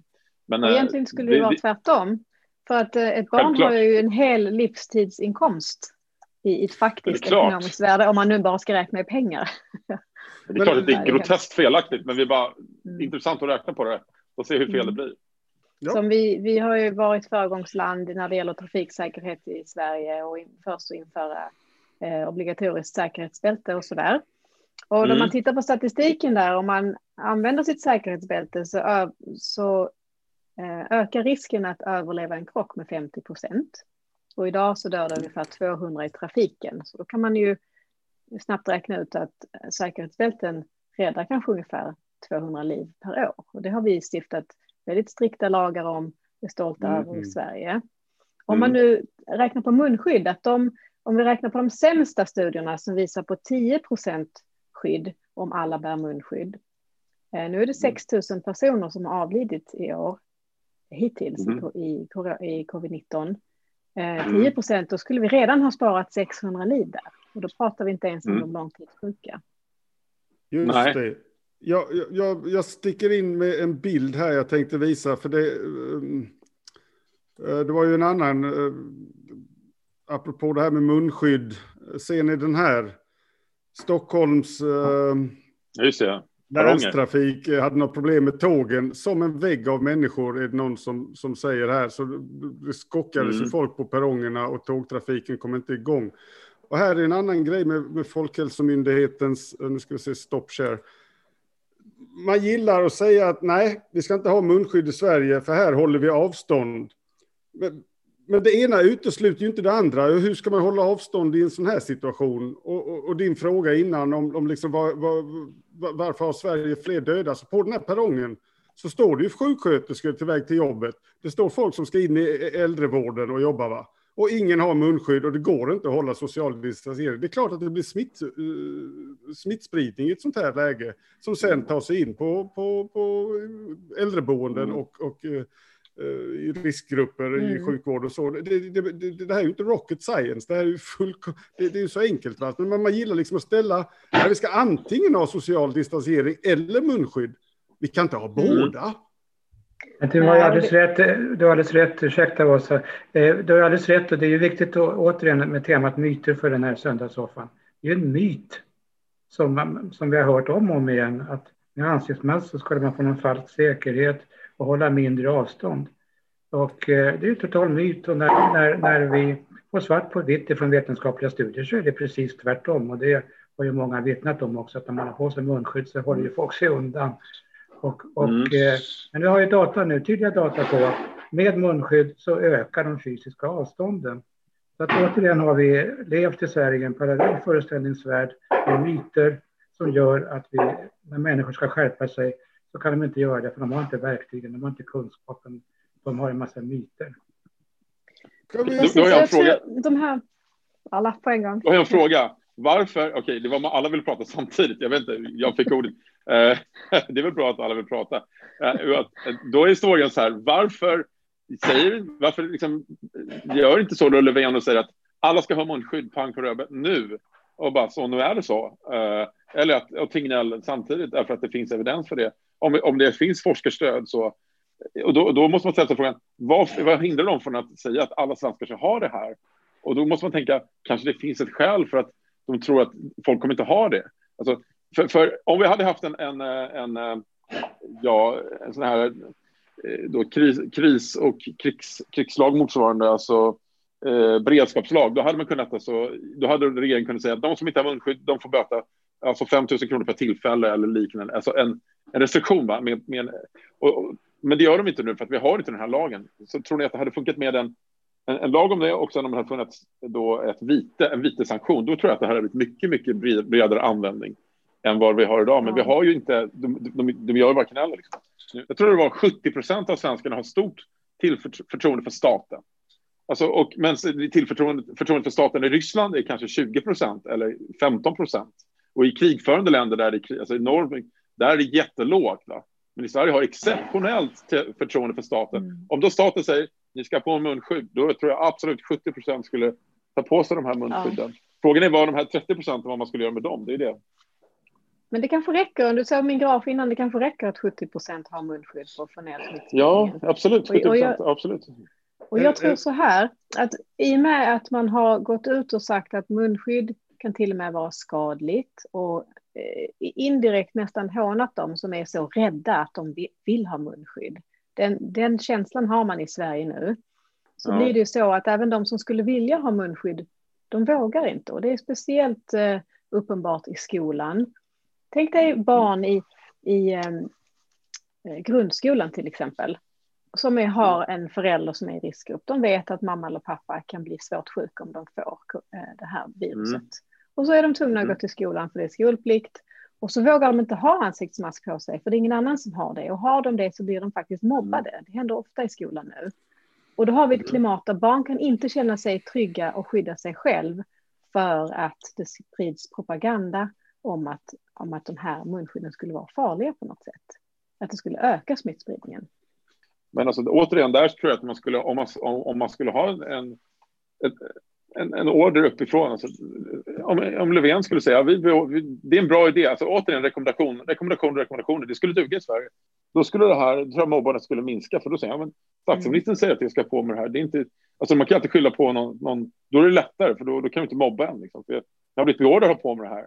Så det skulle vara en omedelbar eh, lösning, mm. eller i alla fall förmildrande av det problemet, skulle jag säga. En, eh, du, du, ställde frågan varför gör man inte de här sakerna? Och, och om jag då ska tillåta mig en, en liten utsvävning här så i mejl som man kunde läsa som har läckt från, eller inte läckt utan som har getts ut genom vår, eh, vad heter den, eh, offentlighetsprincipen så kan man ju då läsa mellan vissa företrädare på FHM och, och andra forskare på Karolinska institutet och Stockholms universitet. Eh, där de för resonemang om att om vi har rekommendationer som inte är särskilt effektiva så, så, så, så kommer vi till flockimmunitet snabbare. Eh, Just det. Det, det, det, det är ju något mm. man också kan fundera alltså, ja, Vi ska väl kanske inte gå in där, men ska vi hoppa på den sista myten vi skulle avhandla idag, nämligen den om att skolorna inte sprider, inte är centrala, ska vi säga, för smittspridningen av covid-19. Ja, ska jag börja där då? Ja, välkommen, eh, välkommen. Ja, välkommen hit Åsa. tack. tack. Jo, nej men, eh, man har ju gått ut länge och sagt från Folkhälsomyndigheten att det inte smittar lika mycket bland barn. Eh, och eh, nu har vi ju bra data, tillförlitliga data på att det faktiskt gör det. Det fanns en studie nu i oktober eh, där man hade tittat på 131 länder och funnit att när skolorna öppnar så ökar smittspridningen i samhället med 25 procent. Eh, och det innebär då att en av fem i samhället faktiskt smittas i skolan. Det är rätt mycket. Och då, då, tror jag att det är viktigt att ta in ansvarsfrågan här, för den är väldigt grundläggande. Vem är det som har ansvaret för att skydda vår befolkning? Och där tycker jag att Folkhälsomyndigheten har fått ett orimligt stort ansvar eh, för att hantera det här. För att de har ju egentligen en rådgivande funktion eh, och de kan såklart lägga in eh, extra stödåtgärder när det behövs. Men de är ju inte en tillsynsmyndighet. Så när man då går till eh, skolan och även andra arbetsgivare för den delen och barn som har skolplikt ligger ju under, under arbetsmiljölagen. Och då är det ju Arbetsmiljöverket som är tillsynsmyndighet och det är de lagarna som gäller. Så nu när vi faktiskt har mycket data på Ehm, hur det här viruset sprids, det sprids genom aerosoler. 50 procent av smittspridningen beräknar man sker innan personen har fått symptom, så då vet man inte om att man är sjuk. Ehm, och då också att det finns smittspridning bland, bland de här eh, skolåldersbarnen. Då, då måste arbetsgivaren gå in och göra en förebyggande riskbedömning för hur de kan skydda individer från att bli smittade på sitt arbete, som också då är skolan. Och eh, jag är själv toxikolog och inom risk, riskbedömningar brukar man säga att en acceptabel risk är en drabbad per miljon invånare. Om vi då tar skolan som ett exempel så har vi nu i Sverige 70 barn som har drabbats av det här Kawasaki-liknande syndromet som troligtvis är en autoimmun sjukdom som kommer att vara livslång. Det vet vi inte nu, men, men ponera att det är det. Ehm, och då är det, nu har vi 10 procent av befolkningen har blivit smittade av sars-cov-2. 10 ehm, procent av dem är skolbarn. Så då har vi 100 000 smittade. Det innebär att vi nu har en risk på en på 1500. Det är 700 gånger högre risk än vad som är acceptabelt i en förebyggande riskbedömning. Och då är det, då är det ålagt skolorna som arbetsgivare och se till att skydda befolkningen mot den här risken och få ner den risken 700 gånger. Och, om man skulle, och, och då har vi den här schweizerostprincipen som vi tittade lite grann på tidigare. Vi har en version som vi har fått gjort av TV4 som gäller då framförallt för skolorna. Vi är tre organisationer, eh, vår egen Vetenskapsforum, tillsammans med föreningen Covid-19 skola och barn och Barnverket som har gjort eh, ett eh, förenklat dokument, för det är väldigt mycket data för skolledningar och kommuner att titta igenom för att göra de här riskbedömningarna. Så det är då ett dokument som man kan använda som underlag för att implementera åtgärder för att hindra smittspridningen i skolan, som man snabbt och lätt kan ta beslut om utan att behöva gå till högre instanser. Ska vi titta på den där lilla videosnutten, Marcus, som visar eh, Ja, det Eller... kan vi göra. Fredrik? Föreningen Covid-19 Skola och barn har räknat hur många coronautbrott i skolor som det har rapporterats om i media. Nästan 300 bara i november.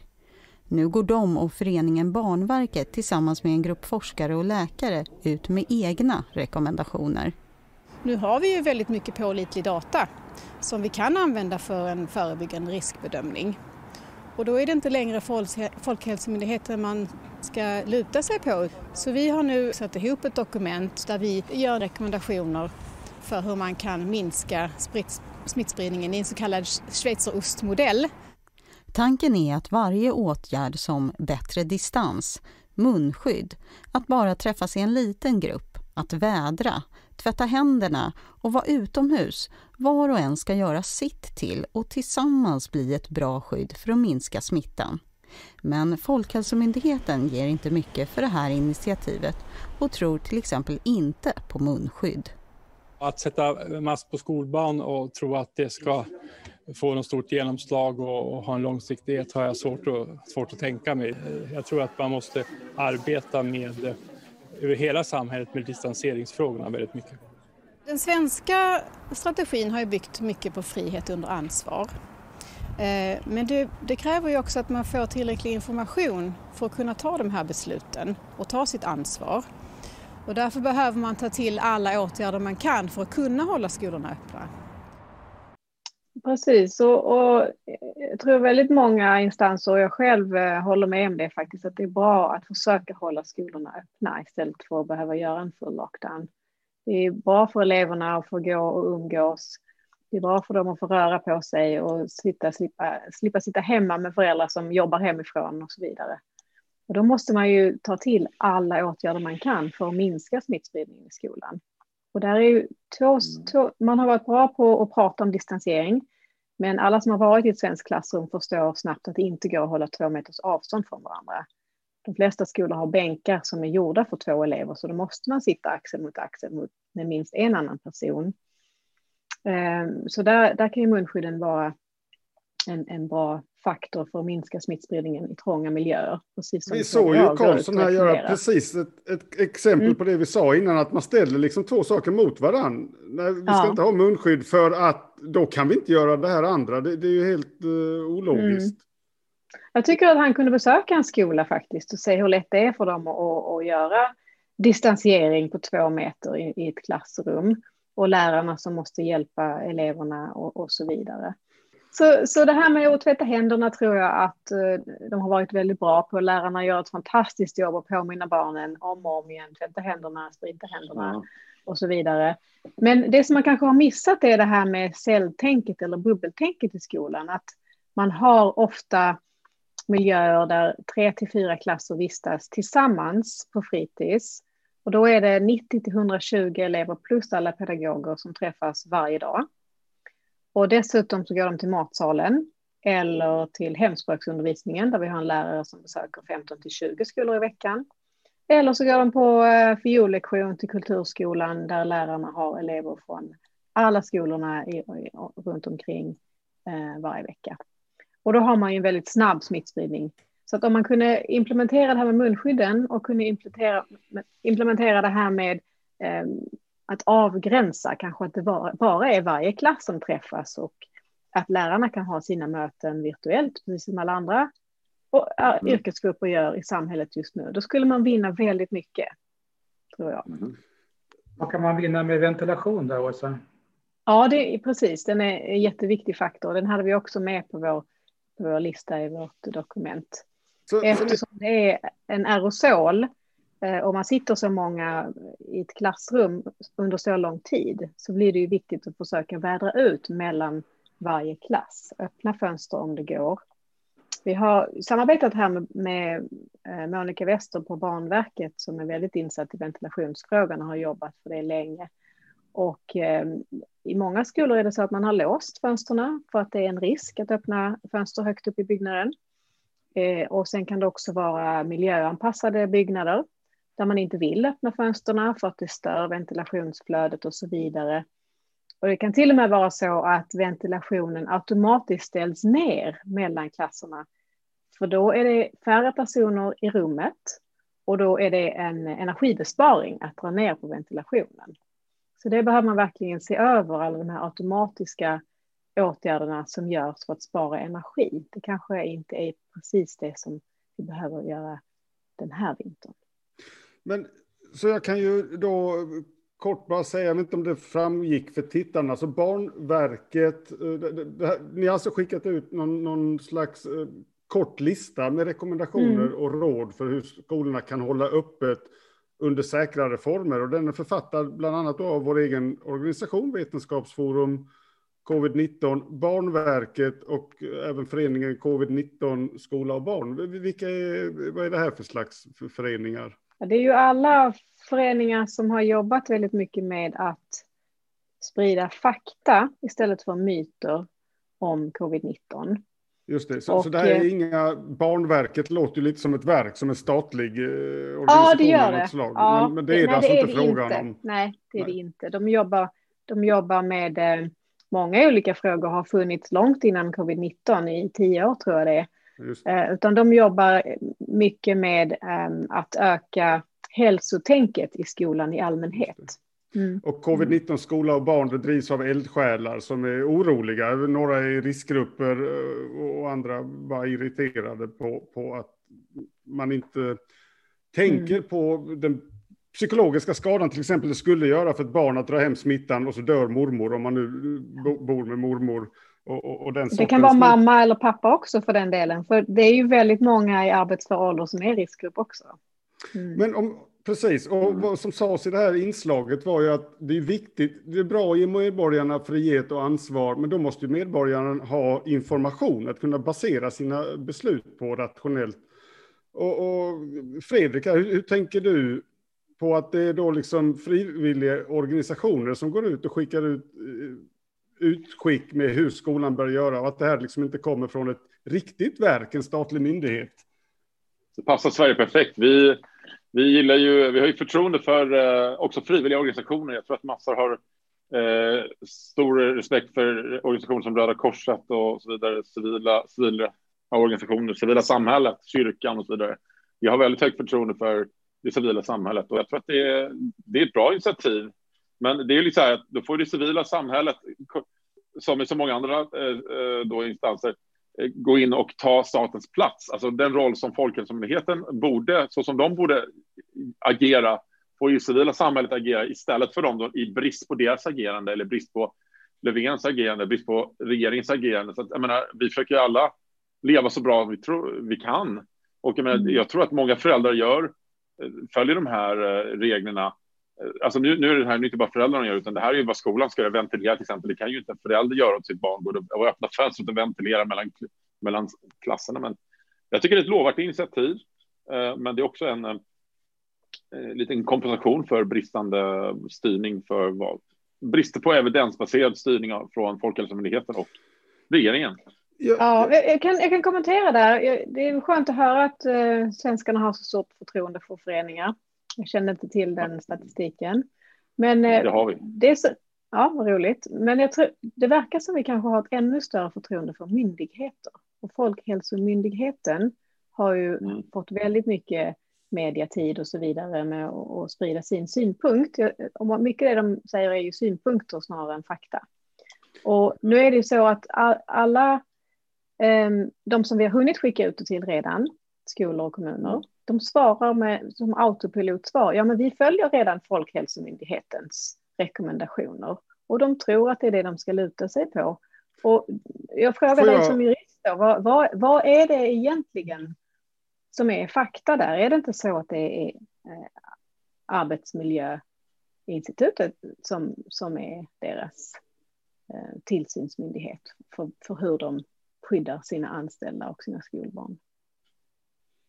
Jag tror du menar Arbetsmiljöverket? Ja, ja precis. Arbetsmiljöverket. Ja, jo, det, det är de. Det är arbetsmiljölagen. Den har ju den, eh, den, den, den är ju tydlig. Där, där är arbetsmiljön det är också även eh, fysisk alltså hälsa som smittspridning och psykisk hälsa. Så den är ju, mm. det är också en lag som är väldigt, det har jag inte tagit upp, men den lagen spelar också roll. Där kan du ju fatta beslut på grundval av den.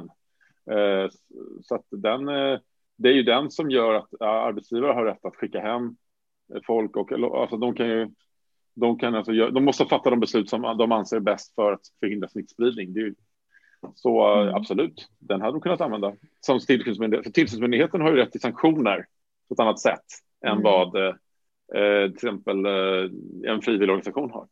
Uh, Arbetsmiljöverket, de som jag förstår, de är ändå rätt på. De har en väldigt välgjord hemsida och mm. alltså jag har aldrig varit i kontakt. De, de är ju fungerande myndighet.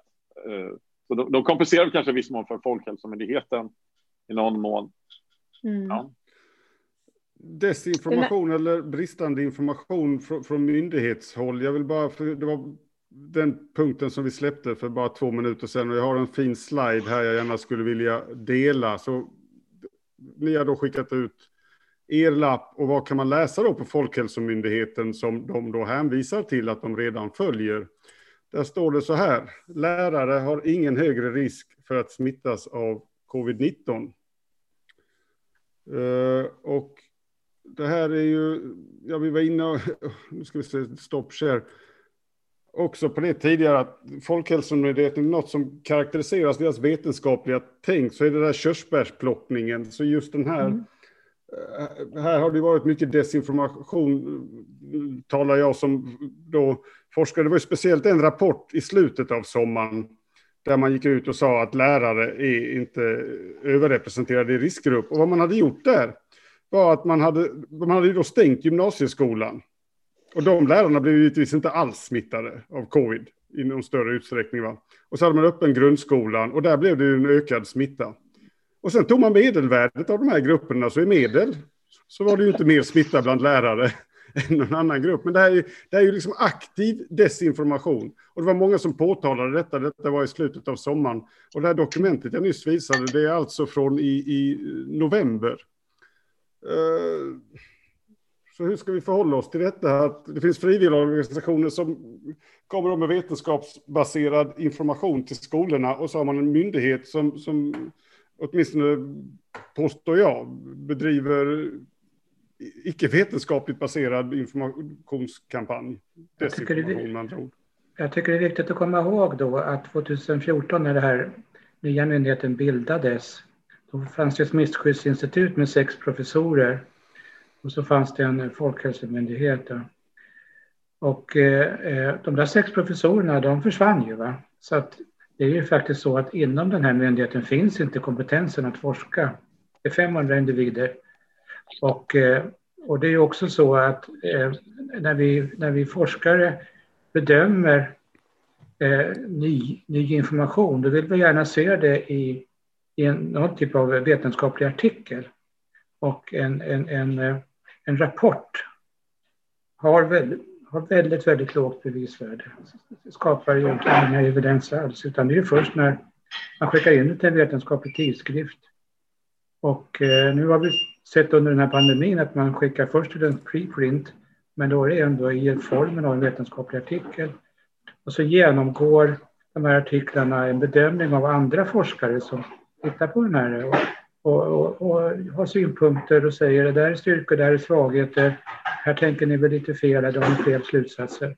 Det här är en process som är oerhört, oerhört kraftfull i vetenskapssamhället. Men man ställer sig utanför den när man gör egna små rapporter och sen skickar man dem till regeringen för att få underlag. Och eh, jag tror att det är, väldigt, det är väldigt viktigt att förstå hur vetenskapssamhället fungerar. Väldigt viktigt att förstå att när Kungliga Vetenskapsakademin lägger fram en rapport Eh, och slutligen, eh, det finns ju ingen tyngre vetenskapligt dokument än att de slår fast att det är en aerosolsmitta, ventilation är viktigt och eh, ansiktsmasker fungerar. Något tyngre får vi inte i det här landet. Och att regeringen på en presskonferens kallar samman med all hast och eh, eh, försöker distrahera med att börja prata med besöksförbud på äldreboende. Och så säger de passant att ja, det där var några labbforskare som slängde iväg ett papper. Liksom. Istället för att säga, ja, istället för att säga att ja, det är nästan, det är nästan trumpiansk stil skulle jag vilja säga. De som säger det, det kan man ju faktiskt fundera på om inte det är så. Och eh, Åsa, du kan väl kommentera det, hur vi, just hur vi arbetar som vetenskapare. Jo, men vi, vi var inne lite grann på det tidigare, att man får inte göra sån här körsbärsplockning. Det är ju eh, ett stort tabu i allmänhet, inte bara inom vetenskap. Men finns det en litteratur så måste man ju utvärdera den som en helhet och inte bara välja ut den litteraturen som stöder ens förutfattade mening. Och det har ju tyvärr blivit vanligare och vanligare även bland journalister jag blir ofta uppringd där folk, en journalist och säger jag skulle vilja skriva det här uttalandet, kan du skriva under på det? Och då brukar jag alltid säga nej, om du vill intervjua mig så går det bra, men jag kommer inte skriva under på det som du redan tror. att, att liksom man, man vänder på bevisbördan på något sätt. Mm. Um, och, och, och, det är ju lite grann så Folkhälsomyndigheten agerar här och eftersom de får väldigt mycket mediatid för att de är en myndighet så blir det ju så att de kan göra en väldigt stor diskussion om en, en studie som den danska om munskydd som då egentligen inte ens var designad för, för att se hur, hur väl munskydd skyddar eh, omgivningen som, man, som egentligen är tanken med munskydd och heller inte var utförd under ett särskilt högt smitttryck. För munskydd skyddar ju bäst såklart när det är ett stort smitttryck i, i samhället. Så man, man, har valt ut en studie som man tycker är intressant för att den påvisar det som man vill, den information man vill sprida till befolkningen och då blir det väldigt fel. Då är det inte, vet, då är det inte på vetenskaplig grund helt enkelt. Mm. Jag tänker så här också, nu återkommer jag lite till skolan. Att under våren när man började sprida den här informationen om Eh, det smittar inte bland barn och så vidare. Då hade ju Folkhälsomyndigheten själva börjat göra en, en del så kallade sentinellundersökningar där man helt enkelt testar i den allmänna befolkningen. Den första sådan var väldigt liten, nu kommer jag inte ihåg, eh, det var bara 192 prover i Stockholmsområdet, så inte så många alls. Men man hade ändå testat olika åldersgrupper och så där. Och redan då kunde man se i deras rapport från vecka 14 att i åldersgruppen 0 till 15 år så var det 2,8 procent av befolkningen som var smittade eller hade varit smittade. Medan i de andra befolkningsgrupperna 16 till 29 var det 2,4 procent, 30 till 59 var det 2,6 procent och 60 plus åringar var det 2 procent. Så det var faktiskt, hade faktiskt varit högst smittspridning i åldersgruppen 0 till 15. Det visste mm. man redan då baserat på sin egen data. Och ändå, och ändå gick man ut och sa att det smittar inte i det. Den här rapporten finns på webben, den kan vem som helst läsa. Um, jag, jag, läste i Aftonbladet häromdagen att det stod 20 procent av 18 till 19-åringar hade positiva labbsvar. Alltså det, det, låter extremt högt. Jag vet inte om jag fick något om bakfoten där, men det var, det var eh, det var i alla fall den 18 till 19-åringar var den gruppen som hade högst andel eh, mm. positiva svar. Och, och ändå så stänger man inte gymnasieskolan nu som man gjorde i våras. Mm. Nej, det är intressant. Och en annan eh, datapunkt här, just från den, jag tar det här från det brevet som jag själv skrev till eh, Folkhälsomyndigheten i april då. För, till stöd för de lungsjuka. Men just då var det, då gick man ut och sa att det är bara äldre 70 plus som är riskgrupp, det är de som behöver isolera sig. Precis då så var det 46 procent av alla de som vårdades på IVA för covidinfektion eh, var i, i arbetsför ålder mellan 20 till 59. Mm.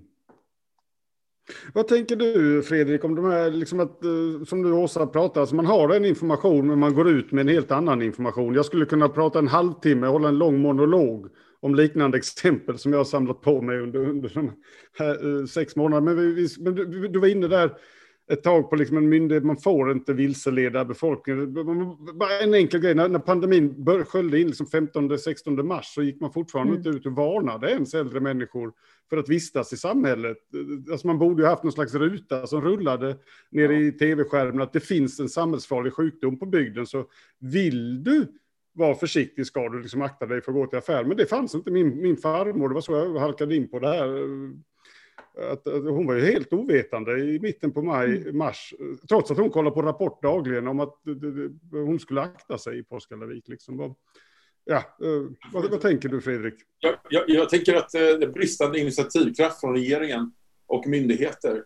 Eh, och det har vi ju fått stöd av från Gunnar här, berättar att i Norge så hade de mycket, mycket, kraft, mycket, mycket kraftfullt från början ut och sa att det här måste vi ta itu med på ett seriöst sätt. Och det gjorde man inte i Sverige.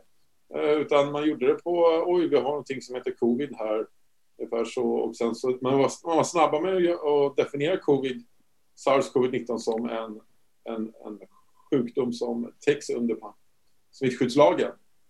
Det var de snabba med att göra, men sen resterande var ju helt, man var helt eh, tafatt, handlingsförlamad skulle jag säga. Men Just det, men en sak är ju att vara tafatt. En annan sak som är värre, det är att ha information om att det här är farligt eller att den gruppen är utsatt och sen gå ut med lugnande information, att man liksom sopar det under mattan och låtsas som något annat. Alltså det, det är ju alltså, är inte det brottsligt på något sätt? Kan, kan man ställa någon till svars för det här om man kan visa att de faktiskt hade annan information? Regeringen, och den, svaret på den frågan är eh, nej, inte regeringen, men att myndigheter kan man väcka tala. Men regeringen är också en myndighet men eh, som, som det går att väcka talan mot Folkhälsomyndigheten och det har vi pratat om tidigare att det är fullt möjligt att göra det. Det är till exempel det här mejlet du pratar om där man medvetet är ute efter att eh, se till att en stor del av befolkningen smittas så man får en flockimmunitet. Det är det man vill uppnå. Det är att leka Gud eh, med befolkningen, att man utsätter befolkningen för en dödlig smitta mot bättre vetande, kan man säga. Och det är det som är det allvarliga med Folkhälsomyndighetens agerande, att man experimenterar lite här och till vänster och man liksom lyssnar inte riktigt på evidens, man är inte riktigt lyhörd för vad som gäller. utan Man tänker man kan spela hasardspel med, med svenska folkets hälsa. Det är, liksom, det är det som är in, det bestående intrycket från min sida. När jag ser liksom vad man har gjort i Sverige och vad man gör i andra länder, då har de ju rent drakoniska åtgärder i Frankrike och Tyskland. Där stänger de ner, mm. de har ju stängt ner den Hammarmodellen som såg tidigare på ett mycket beslutsamt sätt, även i Ryssland. Jag har vänner där som, som är då, de får ju stor, kraftiga böter om de är ute på gatan, om de inte har ett tydligt syfte och så vidare. Och det är som att vi, vi är tafatta i det här landet. Vi, har, inser inte graden av kris som, som, som drabbar oss. Vi försöker lalla på i vanlig takt. Ingen vill byta. Liksom, det är stort motstånd mot att inse att vi har en pandemi som härjar. Och jag tror att folket är inte särskilt intresserade och orkar inte ta konsekvenserna. Jag, jag, tror att det är en blandning av kulturella faktorer att folket har ett stort motstånd mot att göra det som krävs, att, att man då skulle behöva sitta inne. Och jag tror att det finns en bristande kraft och förmå förmåga att leda landet från regeringens sida, att ta i på det sätt som krävs. Man har, inte till, man har visserligen små instrument man kunde tillämpa bättre, men man skulle ha haft ett bättre beredskapslag. Och liksom, de här kombinationen av det här som jag ser på det, så är det det som gör att folket är inte särskilt villiga att styras med, svår, med, med, åtgärder som är jobbiga. De kan köpa det att man inte ska ha munskydd, för det vill de inte ha. Och regeringen är inte särskilt villig att göra några starka åtgärder, för det har man inte befogenhet, tycker man, att göra. Man har inte kanske förmåga att, att fatta de, skriva de lagar som krävs eller tillämpa de lagar som finns. Det är någon sorts, vill inte göra och vill, inte, och vill gärna lyda mm. om det är enkelt, som är, tror jag, är orsaken till att vi, vi kanske lite för slappa som folket säger ifrån att det här borde styras bättre. Att, eh, ja, en annan, men en, jag tänker på det här med munskydden då, då. Där skulle det kanske räcka med att man gick ut och, och, och visade att det faktiskt skyddar och att det är upp till var och en som vill som får lov att bära dem. Ehm, statsministern sa ju det i eh, ett uttalande för inte så länge sedan att det är ju inte förbjudet att bära munskydd. Och det sänder ju inte direkt signalerna att det är en bra idé att bära det, mm när man säger det på det sättet. Men jag tror att om, om hälften av befolkningen valde frivilligt att, att ha munskydd så skulle det dra ner smittan väldigt mycket. Men det är ingen som vågar det nu för att myndigheterna och Storebror säger att det ska man nog inte göra. Ja, nej, nej, en annan eh, svensk egenhet som kanske ligger lite bakom eh, Kjell Thorén och vissa andra, Ludvigsson och så, som rycker ut och ska eh, försvara svenska modellen mot bättre vetande eller mot vetenskapligt underlag.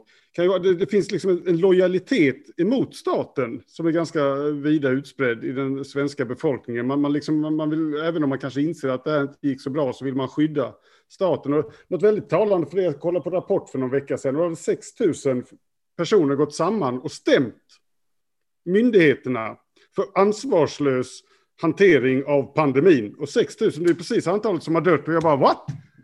Mm. Och det visar sig alltså att det är 6 000 skidresenärer som har gått samman och stämt de österrikiska myndigheterna för att de inte fick tillräcklig information när de var i liksom, österrikiska alperna. Precis, men att stämma den svenska staten, det, det verkar liksom vara helt, nej, nej, nej. Det, mm. Eller ens framföra någon kritik liksom. Det är precis min, min tolkning att vi gillar staten, en svensk tiger, svensk är lojal mot staten. Vi, om staten säger så här så håller vi oss till det. Och det har att göra med den svenska, nu, om jag tillåter mig gå in och göra en avstickare i den svenska folkmentaliteten, kanske relevant. Att det finns ju varför är svenskarna som vi är? Varför är vi så lojala mot staten? Varför vågar vi inte säga ifrån i det här landet? En, typisk eh, motvikt som är på andra sidan är ju fransmännen. De strejkar ju dag och natt mer eller mindre. Nu jag tar i lite för retoriska ändamål här, tillåt mig. Är att de har ju lyckats med franska revolutionen. Va? De lyckas ju störta eliten. Bastiljerna 1789. Och eh, eh, liberté, egalité, fraternité, eh, frihet, jämlikhet, broderskap. De, och de lyckades göra, välta över eliten och få en ny konstruktion, ny form av staten. I Sverige har vi aldrig lyckats med det. Vi har all, ingen har någonsin lyckats eh, välta eh, eliten över ända. Ingen, vi har aldrig haft ett bondeuppror som har lyckats. Vi har aldrig haft någon som har lyckats med hjälp av ett folkligt uppror välta eliten över ända och få en, ett nytt statsskick eller en ny, nytt styre. Så att svenskarna har lärt sig att vi, vi, vi ska vara kuvade, vi ska vara inte säga ifrån, vi ska vara lojala, därför det lönar sig inte. Det lönar sig aldrig att sticka upp mot Gustav Vasa eller kungen, att kungen är typ allsmäktig. Va? Det, det sitter i vår folksjäl på ett helt annat sätt än i andra länder. Det är min teori som jag har att vi inte vågar säga emot ordentligt. Men Ja. Så, så, så, resonerar jag för mig själv. Liksom. Ja. Tyvärr så är vi inte också... att, att använda våra yttrandefrihet och grundlagsstadgade rättigheter och säga ifrån. Folk är lojala mot staten. Vi, vi, vi tror på att det är funktion. Vi tror att de vill oss bästa, det bästa. Och gör de fel så vågar vi inte säga ifrån ändå. Därför det, det anses illojalt. Och jag tror det var ännu värre under min pappas generation. Ni som hade, vi hade bara TV1 och TV2. Vi hade liksom Hasse Tellemar. Det fanns en, det fanns en kanal, det fanns en sanning. Va? Och hela den här Tage Erlander-perioden som ledde från 48 till, ja, nu avgick han nu igen, uh, när Tage var det 68? Jag miss, ja, citerar mig inte på den siffran. Men hela den där efterkrigsperioden var, där formades den svenska staten och det var väldigt starkt socialdemokratiskt styre. Det var en lojalitet mot staten och man behöll sig väldigt nära staten och det har alltid varit den svenska modellen. Och vi har liksom inpräntat med det här. Men jag, jag hoppas att det är på väg att förändras för vår skull. Mycket relevant. Men, men en sak, Åsa. Nej, kör du Gunnar. Alltså en sak som man gärna hade kunnat ta fram från den tiden, det är ju solidaritet. Att bära ansiktsmask är ju faktiskt en solidarisk handling, en medmänsklig handling.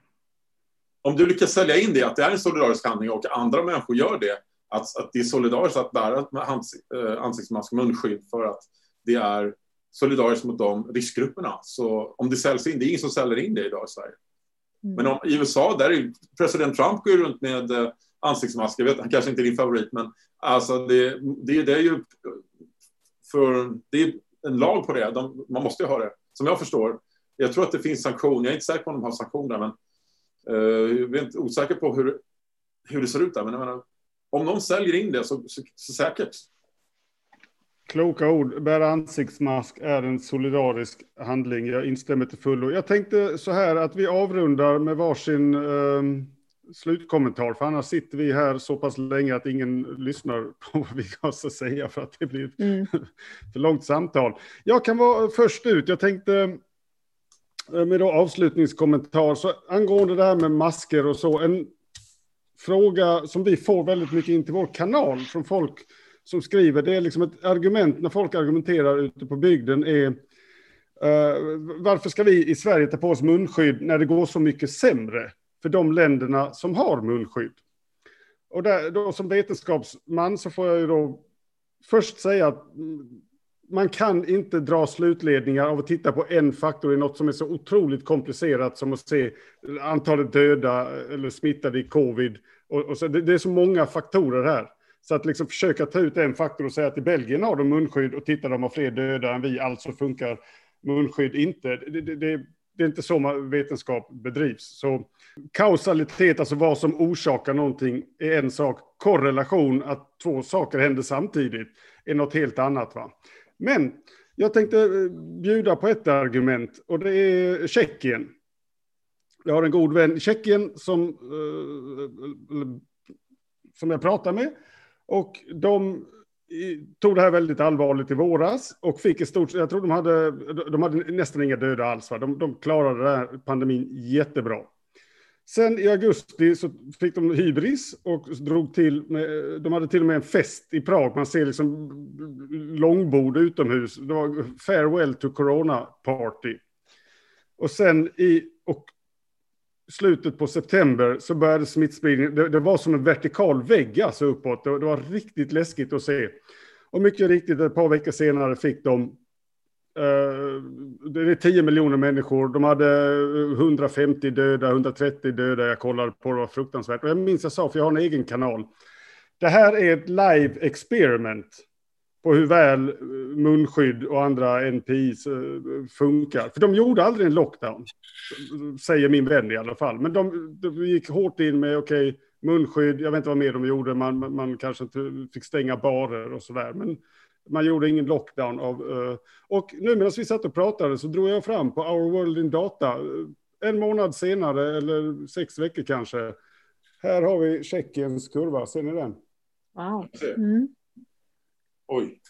Lockdown. Så ska man, ska man jämföra, man ska inte jämföra, du kan inte jämföra Belgien och Sverige, du måste jämföra ett land antingen med en väldigt lik granne, och då talar munskydd för att det funkar om vi jämför med Finland eh, och Danmark. Och, och, eller så kan man jämföra ett land med sig själv i olika tidsepoker.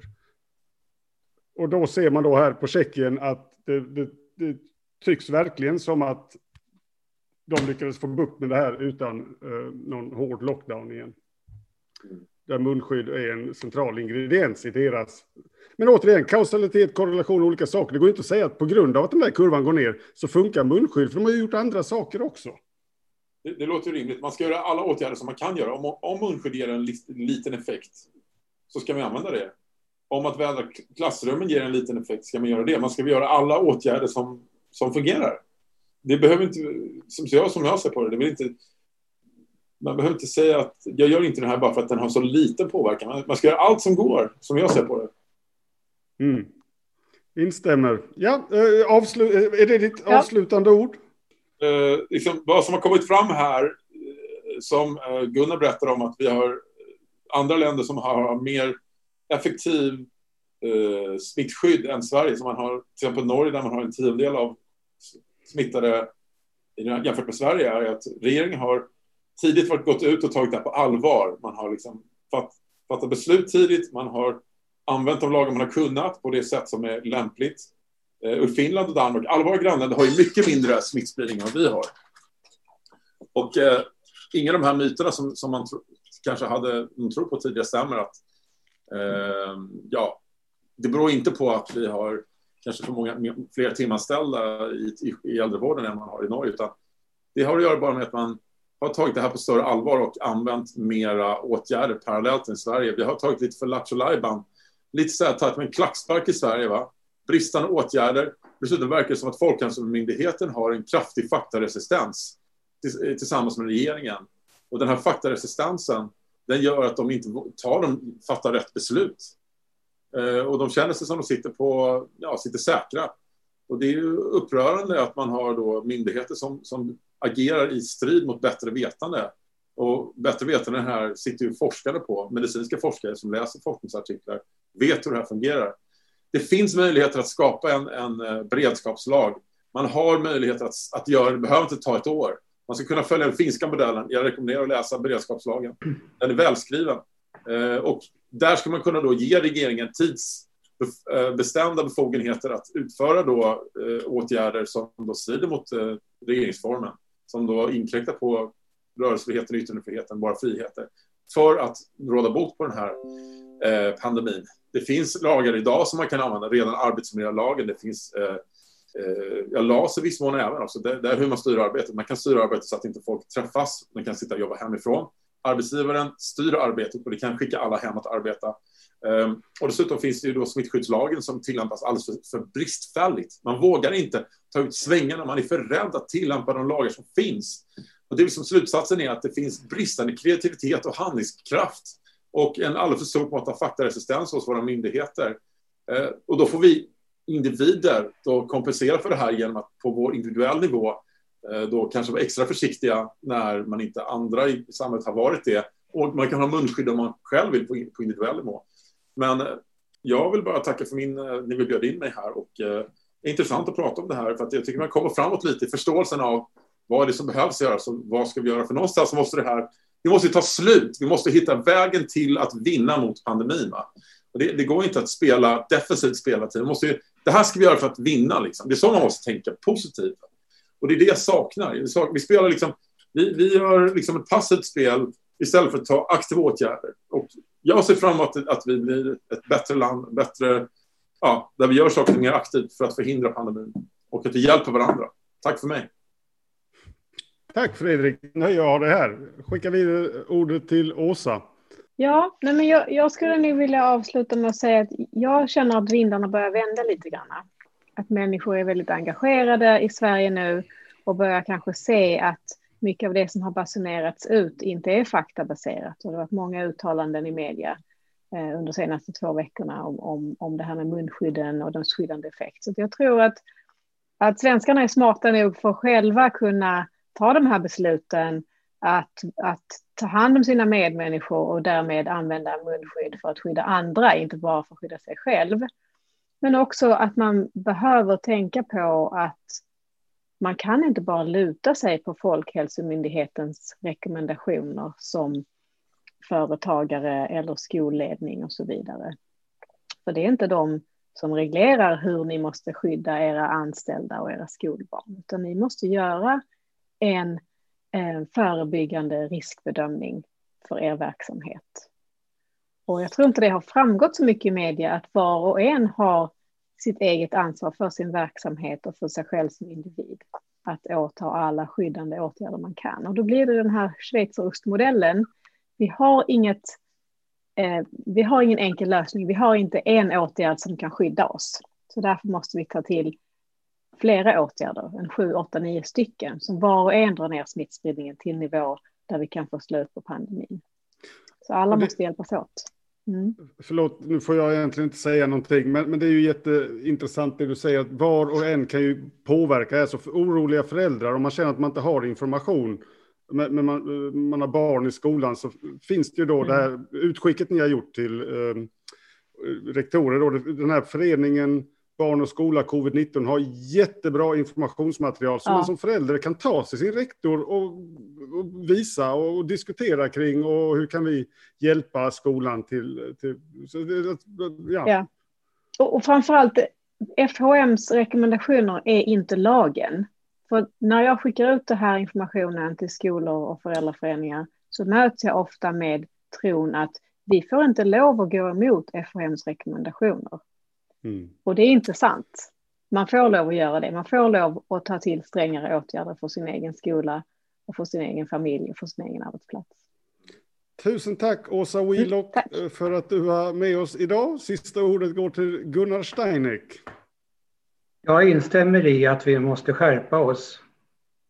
Men om denna skärpning ska stoppa pandemin så måste vi ta oss ur den parallella föreställningsvärlden.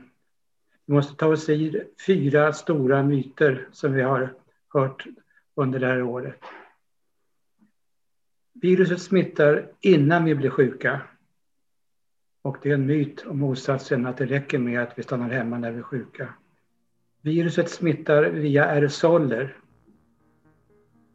Det är en myt att det bara smittar via droppsmitta. Aerosoler betyder att en person kan smitta alla personer i, en, i ett rum det betyder att en tom hiss kan smitta. Det betyder att smittan sprids i ett helt rum.